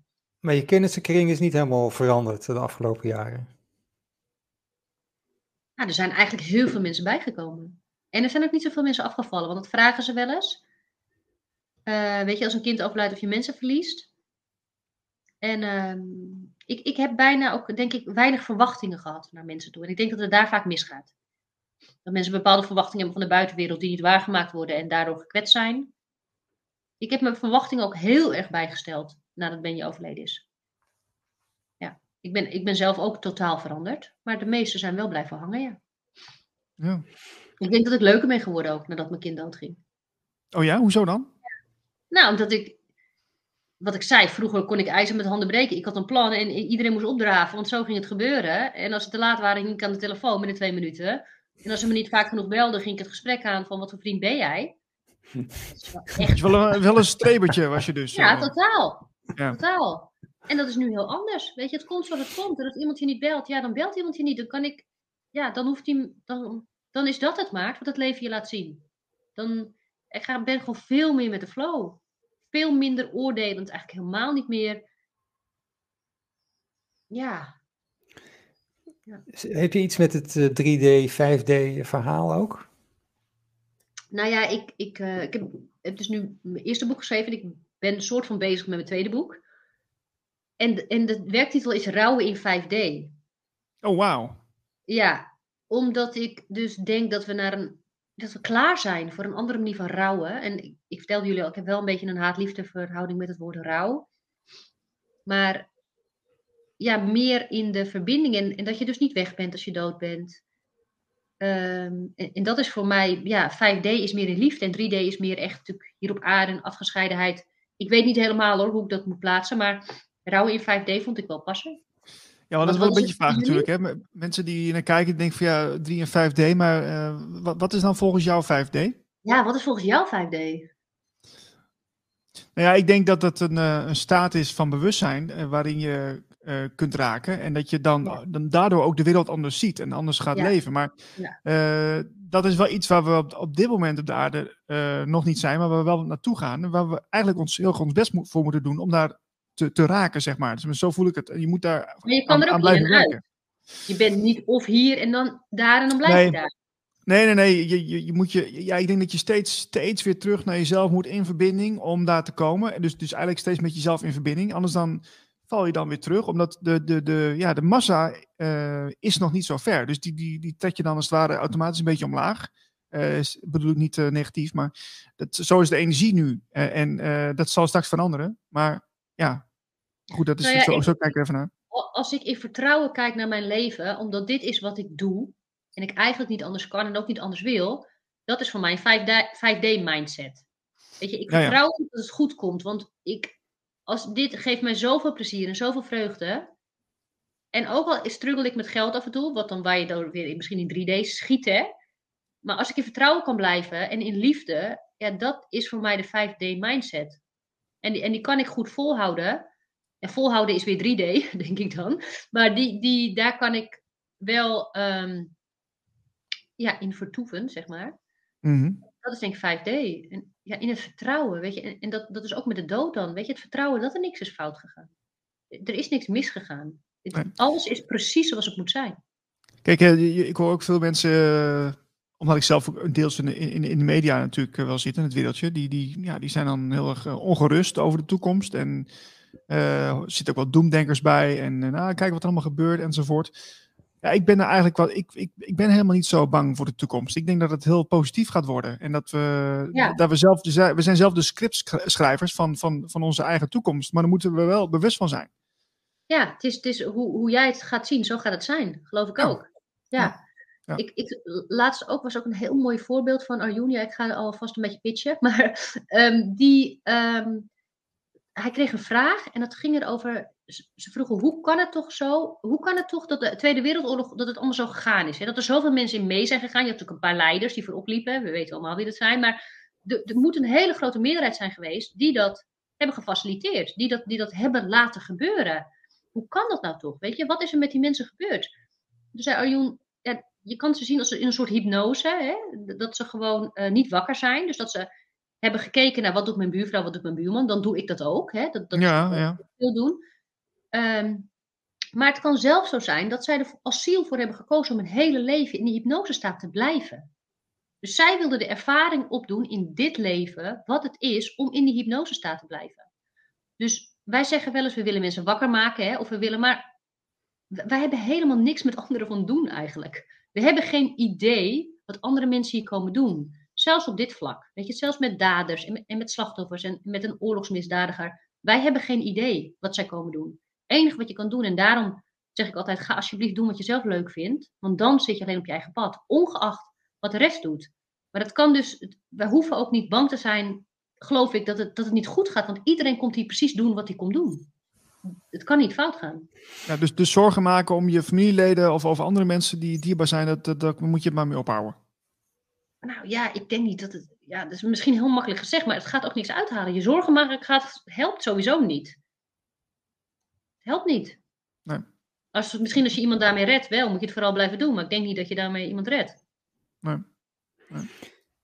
Ja, je kan zeggen van de Tweede Wereldoorlog, iedereen is geïncarneerd precies in die periode om dat mee te maken, om dat spel, dat is wel heel controversieel om te zeggen, maar eh, Ja. om dat spel helemaal uit te spelen van oké, ik ga nu in dit leven, ben ik het slachtoffer, of ik, eh, ik ben eh, degene die het faciliteert, of ik ben de, de grote leider die gaat ervaren hoe het is om al die macht te hebben. En nou, dat gaan we gewoon, dat gaan we samen doen. En dan is Ja. het ook op een gegeven moment ook weer afgelopen. Maar dat is zo controversieel om te zeggen. Klopt. Dat, heel veel mensen ja, die vallen van een stoel nu. Omdat, ja, dat kun je toch niet denken, dat kun je toch niet serieus menen. Maar eh, Ja. ja. Maar ik, ik geloof dat ook, ja. En dat is Ja, het hetzelfde met dat ik zelf heb gekozen voor het overlijden van mijn kind. Ik heb ervoor gekozen dat dit, dat dit mij gebeurt en hij heeft ervoor gekozen dat, dat, dat hem dit gebeurt. Ja, dat is ook vrij controversieel, kan het zijn. Ja, dan is niks, dat is niks toeval. Dus dan, dan eh, dat, dat is een soort houvast hè, van mensen. Oh ja, ik, als ik dit doe, dan gebeurt er dat. En ik, het, leven is een beetje maakbaar wel, voor het grootste We hebben deel. wel een vrije wil. Maar er zijn bepaalde eikpunten die wel vastliggen, denk ik. Kijk, en Benja, die hadden ze misschien nog een, een maand langer kunnen eh, volhouden en pompen met medicijnen en, en beademen. Of misschien nog een half jaar. Maar uiteindelijk ging hij jong sterven. Ja. En hoe dat dan precies zo is, we hebben wel ook een vrije wil. Maar ik denk wel dat er bepaalde ja, eikpunten zijn die wel, die gewoon zo zijn. Ja, in een van die boeken van Michael Newton eh, wordt ook gezegd van eh, je kunt dan eigenlijk voordat je incarneert kun je je, je levenspad kun je zien. Je kunt gewoon echt letterlijk in het moment stappen. Stel je voor je bent geboren en op, een- gegeven moment ben je 15 jaar dan heb je een bepaalde ervaring. En dan kun je inderdaad als een soort holografische projectie kun je erin stappen. En dan voelen hoe het is om uh, nou, bijvoorbeeld gepest te worden of, of uh, succes te hebben. En dan ga je weer uit en dan kun je zeggen, ja, vind je het nou leuk? Vind je het een goed idee voor de komende 85 jaar? Ja, is goed. Nou, doen we dat. Oké, okay, oké. Nou, zo zal het niet gaan. Maar dat, ik vond het best wel gek om te lezen. Ik denk van, oh, gaat dat dan zo ongeveer? Dat is toch echt ja, niet voor te stellen. Ik denk dat er een spectrum is waartussen je, weet je, dit, dit heb je gekozen en je kan zelf kiezen daartussen welke lijn je pakt. Oh ja. Dus snap je, er is gewoon een gegeven. Je, je, wordt natuurlijk ergens geboren op een plek met bepaalde ouders. Weet je, dat, dat ligt vast. Of dat, dat ligt vast op het moment dat je geboren bent. En dat jij zelf kan kiezen hoe je je beweegt in dat, in dat, in dat spectrum. En, en dat je dan ook bepaalde dingen aantrekt, denk ik. Je kan heel hoog gaan zitten, maar heel laag gaan zitten. En dat je dan andere dingen aantrekt. Of in ieder geval dingen anders bekijkt. Kijk, mijn kind is dood. Dat schijnt het allerergste te zijn wat er is. Ik ben er gelukkiger van geworden. Weet je, het, het, het is een gegeven, maar waar ga ik zitten binnen dat spectrum? Mm -hmm. Ja, en, dat, en dat, ik geloof dus ook dat het de eigen keuze is. Hè? Je hebt je eigen, alles gaat over de eigen verantwoordelijkheid. Sommige mensen spreken over een soort contract wat je aangaat, hè? Zielscontracten. Ja, ja. Ja. ja, ik denk dat ik een contract had met Benja. Dat wij van tevoren dachten, dit gaan wij doen. Want toen hij overleed, en ik dit nog allemaal niet begreep, heb ik naar iedereen gestuurd, wie did it? Ben je zo overleden? Maar echt, wie did it? Ik heb het geflikt. Ik heb het gedaan.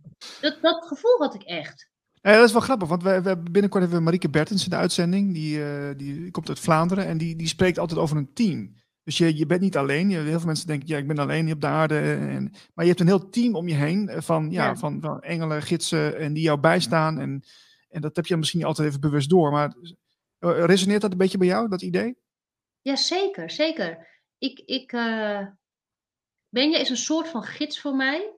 Um, ik heb ook gelezen het boek van Michael Newton. Ik kreeg het op zijn, uh, dat, dat hij één zou worden hè, op zijn verjaardag. Ik kreeg het van een vriendin en ik heb het in één avond uitgelezen. En ik heb zo vreselijk hard gehuild bij dat stukje. Ik weet niet of je dat herinnert, maar dat iemand zijn gids geboren liet worden. Weet je dat nog? Dat, dat, ja, kan je dat ja, herinneren? ja. Dat je iets... En toen dacht ik, ik moest zo hard huilen. Ik dacht, dit is, dit is bij mij gebeurd. Wauw. Ik, ik Ja. denk, dat komt ook terug naar de podcast met Robert Bridgman. Ik heb eigenlijk mijn gids geboren laten worden. Hij was mijn gids al. Weet je, wij hebben al meerdere levens samen gehad. We hebben al samen dingen gedaan. En nu heb ik hem geboren laten worden. Dus ja, hij is mijn gids. Ik denk dat ik. Ja, had ik hem al, al to- voordat hij bij mij geboren werd? Ja, misschien wel. Maar ik zal wel wel- meerdere mensen hebben.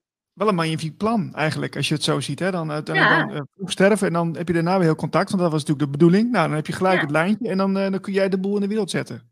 Hey, Ja, super Slim hoor. Ja, wel slim. Ja, ja, dat vind ik wel slim. Ja. ja. Maar dat is natuurlijk met elk kind wat bij een ouder wordt geboren. Hè? Het wo- worden allemaal heilige verbindingen. Ik bedoel, we kunnen wel net doen dat het heel bijzonder is, maar alles, al die verbindingen zijn heilig. Ook als ze daarna overlijden. Die verbindingen gaan niet weg. Ja. Kun, kun jij nog eh, herinneren wanneer dat eh euforische gevoel opkwam? Want je zei ook van ja, ik, ik, was, ik, nou, ik zat in een heel diep dal. Ik, ik kon eigenlijk niks meer aan. Ik wou ook in coma eh, gezet worden. ja. En dus je hebt echt de rock bottom. En was dat het moment dat die euforie ontstond? Of, Nee, de euforie was toen eigenlijk. nee, de euforie was toen hij overleed, echt. Net dat, dat ik hem s'avonds mee naar huis nam. Het voelt wel eens alsof ik. Ik zeg wel eens, ik heb me de navelstreng naar boven met hem. Weet je, hij is dood gegaan en, en er is een lijntje gebleven wat van mij naar boven. En ik heb gevoeld wat daar was. Hij heeft mij laten voelen wat daar was. En ik heb later ook wel eens in boeken gelezen dat het soms gebeurt. Hè? Dat, dat, dat, dat het echt is dat ze jou. Want ze willen je zo graag geruststellen. En ze willen zo graag laten weten dat het goed met ze gaat. Dus ik heb echt eventjes gevoeld wat er was. Nou, ik kan je vertellen, dan, dan ben je. Dat, dat voelt euforisch. Omdat het zo. Alles is goed. Weet je, het, het gevoel dat alles goed is. Ja, dat is zo'n fijn gevoel. Alles is perfect. Ja. En dat, dat is echt mijn eufor- euforische gevoel geweest. Maar mijn omslag is wel gekomen toen ik. ehm, to- toen mijn coach zei, nu inmiddels eh, vaste coach ook, ja, wat is de bedoeling is dat hij overlijdt. Toen ging, ging de wereld ineens anders bekijken. Maatje, jij gaat ook een keer dood. Eh, net zoals ik en Marlijn. Ja, Ehm, wat wat eh, zou je nou graag eh, achterlaten als boodschap? Wat, wat zou je graag willen veranderen in de wereld als je dat zou kunnen? Nou ja, dat mensen openstaan voor een ander perspectief op de dood. Dat het niet meer, dat, dat het niet meer zo is dat hun leven over is als zij iemand moeten missen. Want dat is, ja, weet je, life is for the living. Wij zijn hier om te leven. En weet je, ik zou, ik zou altijd, Benja is dood, maar ik ben niet dood. Ik ben hier nog. Dat is niet zomaar. Dus dat, dat zou ik heel graag mensen willen. Dat het, dat het gewoon niet zo erg is om dood te gaan. Dat, het, ja, dat je een ander perspectief erop krijgt. Omdat je dan anders naar je leven gaat kijken. En meer gaat leven echt. Dus je leeft veel meer nu dan uh, voordat je Benja daar was? Veel meer, ja. ja. En ook, ook zonder, zonder schaamte en zonder angst dan? Uh, veel minder, ja. Veel minder. Ja. Sowieso, ik heb bijna geen angst meer. Omdat ik ja, altijd zeg, weet je, ik heb, waar moet ik nou nog bang voor zijn? Mijn kind is doodgegaan. Wat, wat, wat, wat kan er angstiger zijn dan dat? Ik weet het niet. Ja. Nou ja, wat, wat de meeste mensen heel angstig vinden is voor een publiek uh, staan te praten. Ja, dat, ik, ik kan het ook nog wel spannend vinden als ik een workshop geef of zo. Maar dat, weet je, ik kom ook een beetje in een flow lijkt wel. Als ik gewoon kan praten over iets wat ik leuk vind. Nu ook met jullie. Ja, jullie stellen me vragen en als ik het weet geef ik antwoord. Als ik het niet weet, dan weet ik het niet. Ik heb geen proefwerk geleerd of zo. Nee, nee, precies. Nee. Het gaat ook heel natuurlijk, dus uh, ja. ja. ja. Gaaf. Oké. Hebben jullie iets nieuws gehoord nu? Um... Nou, dat lijntje dat lijntje, dat je, dat je inderdaad een soort uh, een inkijkje krijgt in uh, hoe het uh, achter de, of in de dood is, achter in die andere dimensie, of wat het ook is. Dat, ja, dat, dat lijkt wel een beetje op wat ik met meditatie wel eens heb. Ja. Dus dat je een gevoel van gewoon eenheid hebt. Ja. Um, ja, nou ja, dat had ik nog niet eerder gehoord. Dus, en voor mij dat het verhaal van, jij, eh, van jou van Arjun, uh, of nee, van, uh, van, van jouw zoontje, dat, dat het eigenlijk jouw gids zou zijn, dat vind ik wel interessant. Dat, dat bevestigt eigenlijk wel van de verhalen die je dan in, in je boeken leest, van, dat dat zeker gebeurt, ja. Ja. En, en dan wil je natuurlijk heel graag weten, wat, dat het dan mijn dingetje, je wil heel graag weten van, ook, hoe, hoe zit het dan bij mij? Wat is dan eigenlijk mijn opdracht, contract of, of bedoeling? Ja. En uh, nou ja, ik ben natuurlijk al wat langer, uh, twist dat langer. Ik ben in 2014 ben ik uh, zeg maar wakker geworden. en dan, ja, dan ga je heel veel dingen on onderzoeken. En dan wil je uiteindelijk wil je ook ergens een verschil maken. Je, wil ergens iets in de wereld zetten. Dat is mijn, ja, dat is iets wat, wat, ik, wat ik leuk vind en ook wel een beetje kan. En dat, dat denk ik van, nou, daar moet ik, daar moet ik gewoon mee bezig. Dus je wil die, al die informatie gewoon exposen, zodat andere mensen dat ook kunnen weten. En dat vind ik, uh, vind ik heel belangrijk. Dus dat, daarom doen we dit daar namelijk ook, Radio Gletscher. Ja. Uh, zoals mensen, om mensen zoals jou een podium uh, te geven. Ja, dankjewel ja. nog, jongens. Ja, nee, graag gedaan. Graag gedaan.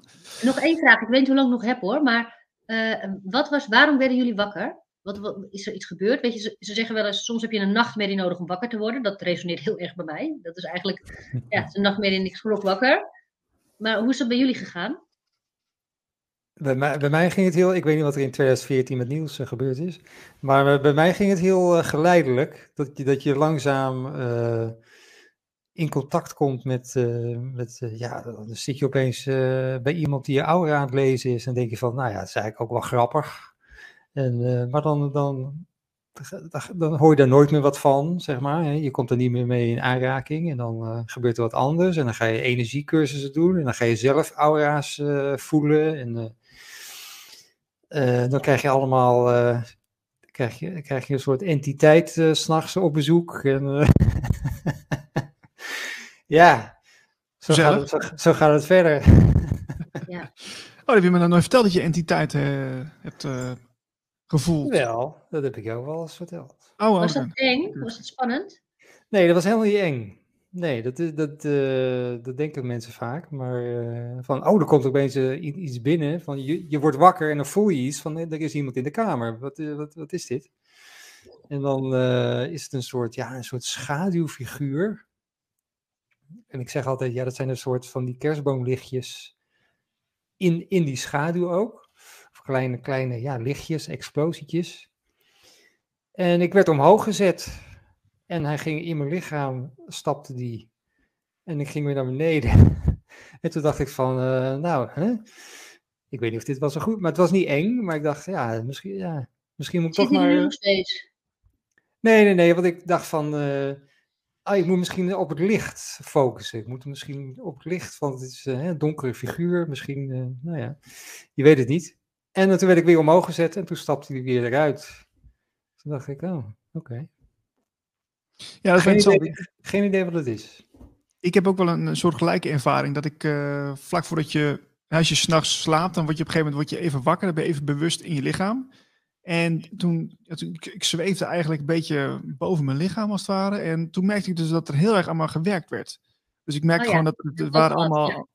Hè, ja, wat was het, ik weet niet, energieën of, of, of uh, gidsen of andere helpers, die waren bezig om ja, iets aan te zetten of iets te, te transformeren of iets dergelijks. Nou, ik heb het wel vaker meegemaakt. Maar uh, dan weet je van, oké, okay, dus ik, ik, ben in goede handen, maar de, de, ze zijn nu met allerlei dingen bezig. Oké, okay, dat, dat is dus een realiteit. Dat is dus gewoon zo. En dat is dan misschien een seconde of tien dat je dat even eh, merkt en dan, en dan val je weer terug in, uh, in je slaaptoestand. Ja. ja, ik heb dat ja, ook die... gehad. En ook wel dat ik op een gegeven moment dacht, nu moeten jullie stoppen, want ik moet ook gewoon slapen. Dat ik echt dacht, dit is echt te veel. Ik moet, ik moet ook uitrusten. Ja. Want wat gebeurde er bij jou? Waar, waar, waar, was die energie bezig dan bij jou? Nou ja, weet je net wat je zegt, je slaapt dus half. Dus je registreert het niet helemaal, maar je weet wel dat er iets gaande is om je heen. En ja, echt, het, ze, ze zijn met me bezig. Dat was echt wat ik, ja, wat ik, wat ik, wat ik voelde. En dan, je, je was zeg maar niet wakker genoeg om iets te doen, maar, maar je merkte wel wakker genoeg om het te merken, zeg maar. Ja. Dus ja, en wat ze, dat is bij mij ook, uh, ja, echt in het jaar nadat Benja overleden is. Dus misschien hebben ze me ook wel klaargestoomd hiervoor. Weet je, misschien hebben ze mijn onzekerheid wel weggehaald. Of hebben ze me meer, weet je, mijn schuldgevoel proberen weg te gaan. Dat denk ik maar dan een beetje. Dat ze dat ik, ik, heb het gevoel namelijk dat wanneer je dus, uh, want ik, in 2014 ben ik dus wakker geworden doordat ik, uh, eigenlijk door nieuwsgierigheid, dat ik die, die spirituele kant wilde, wilde ontdekken en ben gaan mediteren en allemaal oefeningen ben gaan doen. En toen, toen ontstond er iets, een soort openheid en toen, ja, toen ging ik allemaal dingen zien en horen en voelen. En, um, en ik, ik denk dat wanneer die openheid, die overgave uh, hebt gehad, dus dan dat je het angst over, je, dat je je angst overwint, om het zo maar te zeggen dat dat gezien wordt. En dat er dan, uh, dat er dan, ja, dat er dan iets in gang gezet wordt om bij jou ja, uh, je ontvankelijkheid te, te, te, te, openen. Of je, dat, je, dat je meer ja, over grotere vermogens gaat beschikken. Of dat, dat, dat ze aan, jou sleutelen zijn, zeg maar. Dat denk ik. Ja, maar, grappig. Ja, zoiets inderdaad. Weet je, dat ze je helpen. En jij zegt dat het gezien wordt, maar misschien hebben ze daarvoor wel gezorgd dat dit ging gebeuren. Ja, ik, ik zeg wel eens, uh, nou jongens, jullie kunnen vannacht, uh, heb ik er wel weer zin in. Ge geef, hem, geef, hem maar, geef hem maar weer een upgrade. En dan weet ik dat ik uh, wakker word alsof ik onder een vrachtauto heb gelegen. Maar dan denk ik van, ja, het is toch wel, oh, ja. ik heb weer een upgrade gehad.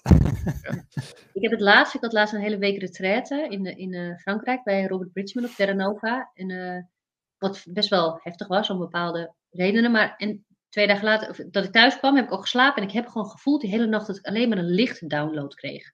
Echt, het voelde zo. En ik werd wakker en ik, nou ja, ook dat ik half sliep, ik kreeg alleen maar het woord lichtdownload. Ik weet helemaal niet wat het is. Ik weet helemaal niet wat ze dan doen. Ik heb er niet om gevraagd, maar dat was gewoon een feit. Dat, dat, dat was gaande. Ja. Hmm. Oké. Okay. Um, ik had net nog een vraag, maar die ben ik kwijt. Heb je hem niet opgeschreven? Nee. Oh. Um, Marlijn, heb jij, nog, uh, heb jij nog dingetjes die je wilt bespreken? Uh, hard op te denken. Nee, nee we, zitten, nee, we zitten wel een beetje aan het eind, denk ik. Uh, Maatje, je mag je boek nog even promoten, zou ik zeggen, je website. Ja, nou, uh, mijn website is maartjelute.com en uh, daar staat mijn boek op. Dus hij is van, ook van uitgeverij Oorsprong. Dus, dus uh, ja, je kan hem ook op bol.com bestellen, maar liever natuurlijk bij mij. Ja. Zo is het. En de sessies? Er zijn sessies? Die staan ook allemaal op de website. Ja. En ik doe ook veel individuele sessies, ook voor mensen in rouw. Eh, maar ook voor mensen gewoon die tegen dingen aanlopen. Weet je, dat je maar in bepaalde patronen blijft zitten. En ik geloof ook inmiddels dat weet je, alles wat je doet, alles vanuit het universum is onvoorwaardelijke liefde. Niks komt zomaar op je pad. Het wil, het wil je uiteindelijk helpen. Ook alle dingen die zo kut voelen of kloten zijn. Zelfs die dingen. Dus ehm, dat is ook individuele sessies. Dus, maar dat kun je allemaal vinden op mijn website, ja. Gaaf. Maatje, Ja. dankjewel voor je tijd. We vonden het heel eh, interessant en eh, belangrijk vooral ook. Ja, dank jullie wel ook. En ga vooral door. Ja. Gaan we doen. We kunnen niet veel anders, hè? Berlijn? Nee, ik ken het. Je moet wel. Het is je missie. Ja. Ja. Oké. Eh, we zijn de volgende week weer. Eh, abonneer even op onze nieuwsbrief, want we hebben een hele leuke nieuwsbrief. Die komt elke week uit. En daar staat ook in welke gasten we de week daarna hebben. Dus eh, eh, dat kan op onze website radioglacier.nl. Eh, heb je verzoekjes of wil je iets delen? Wil je ons een compliment geven? Wil je ons eh, steunen financieel? Dat kan ook allemaal. Via de website radioglacier.nl. En eh, vergeet ik nog iets? Oh ja, de stilte van de week, hè Marlijn?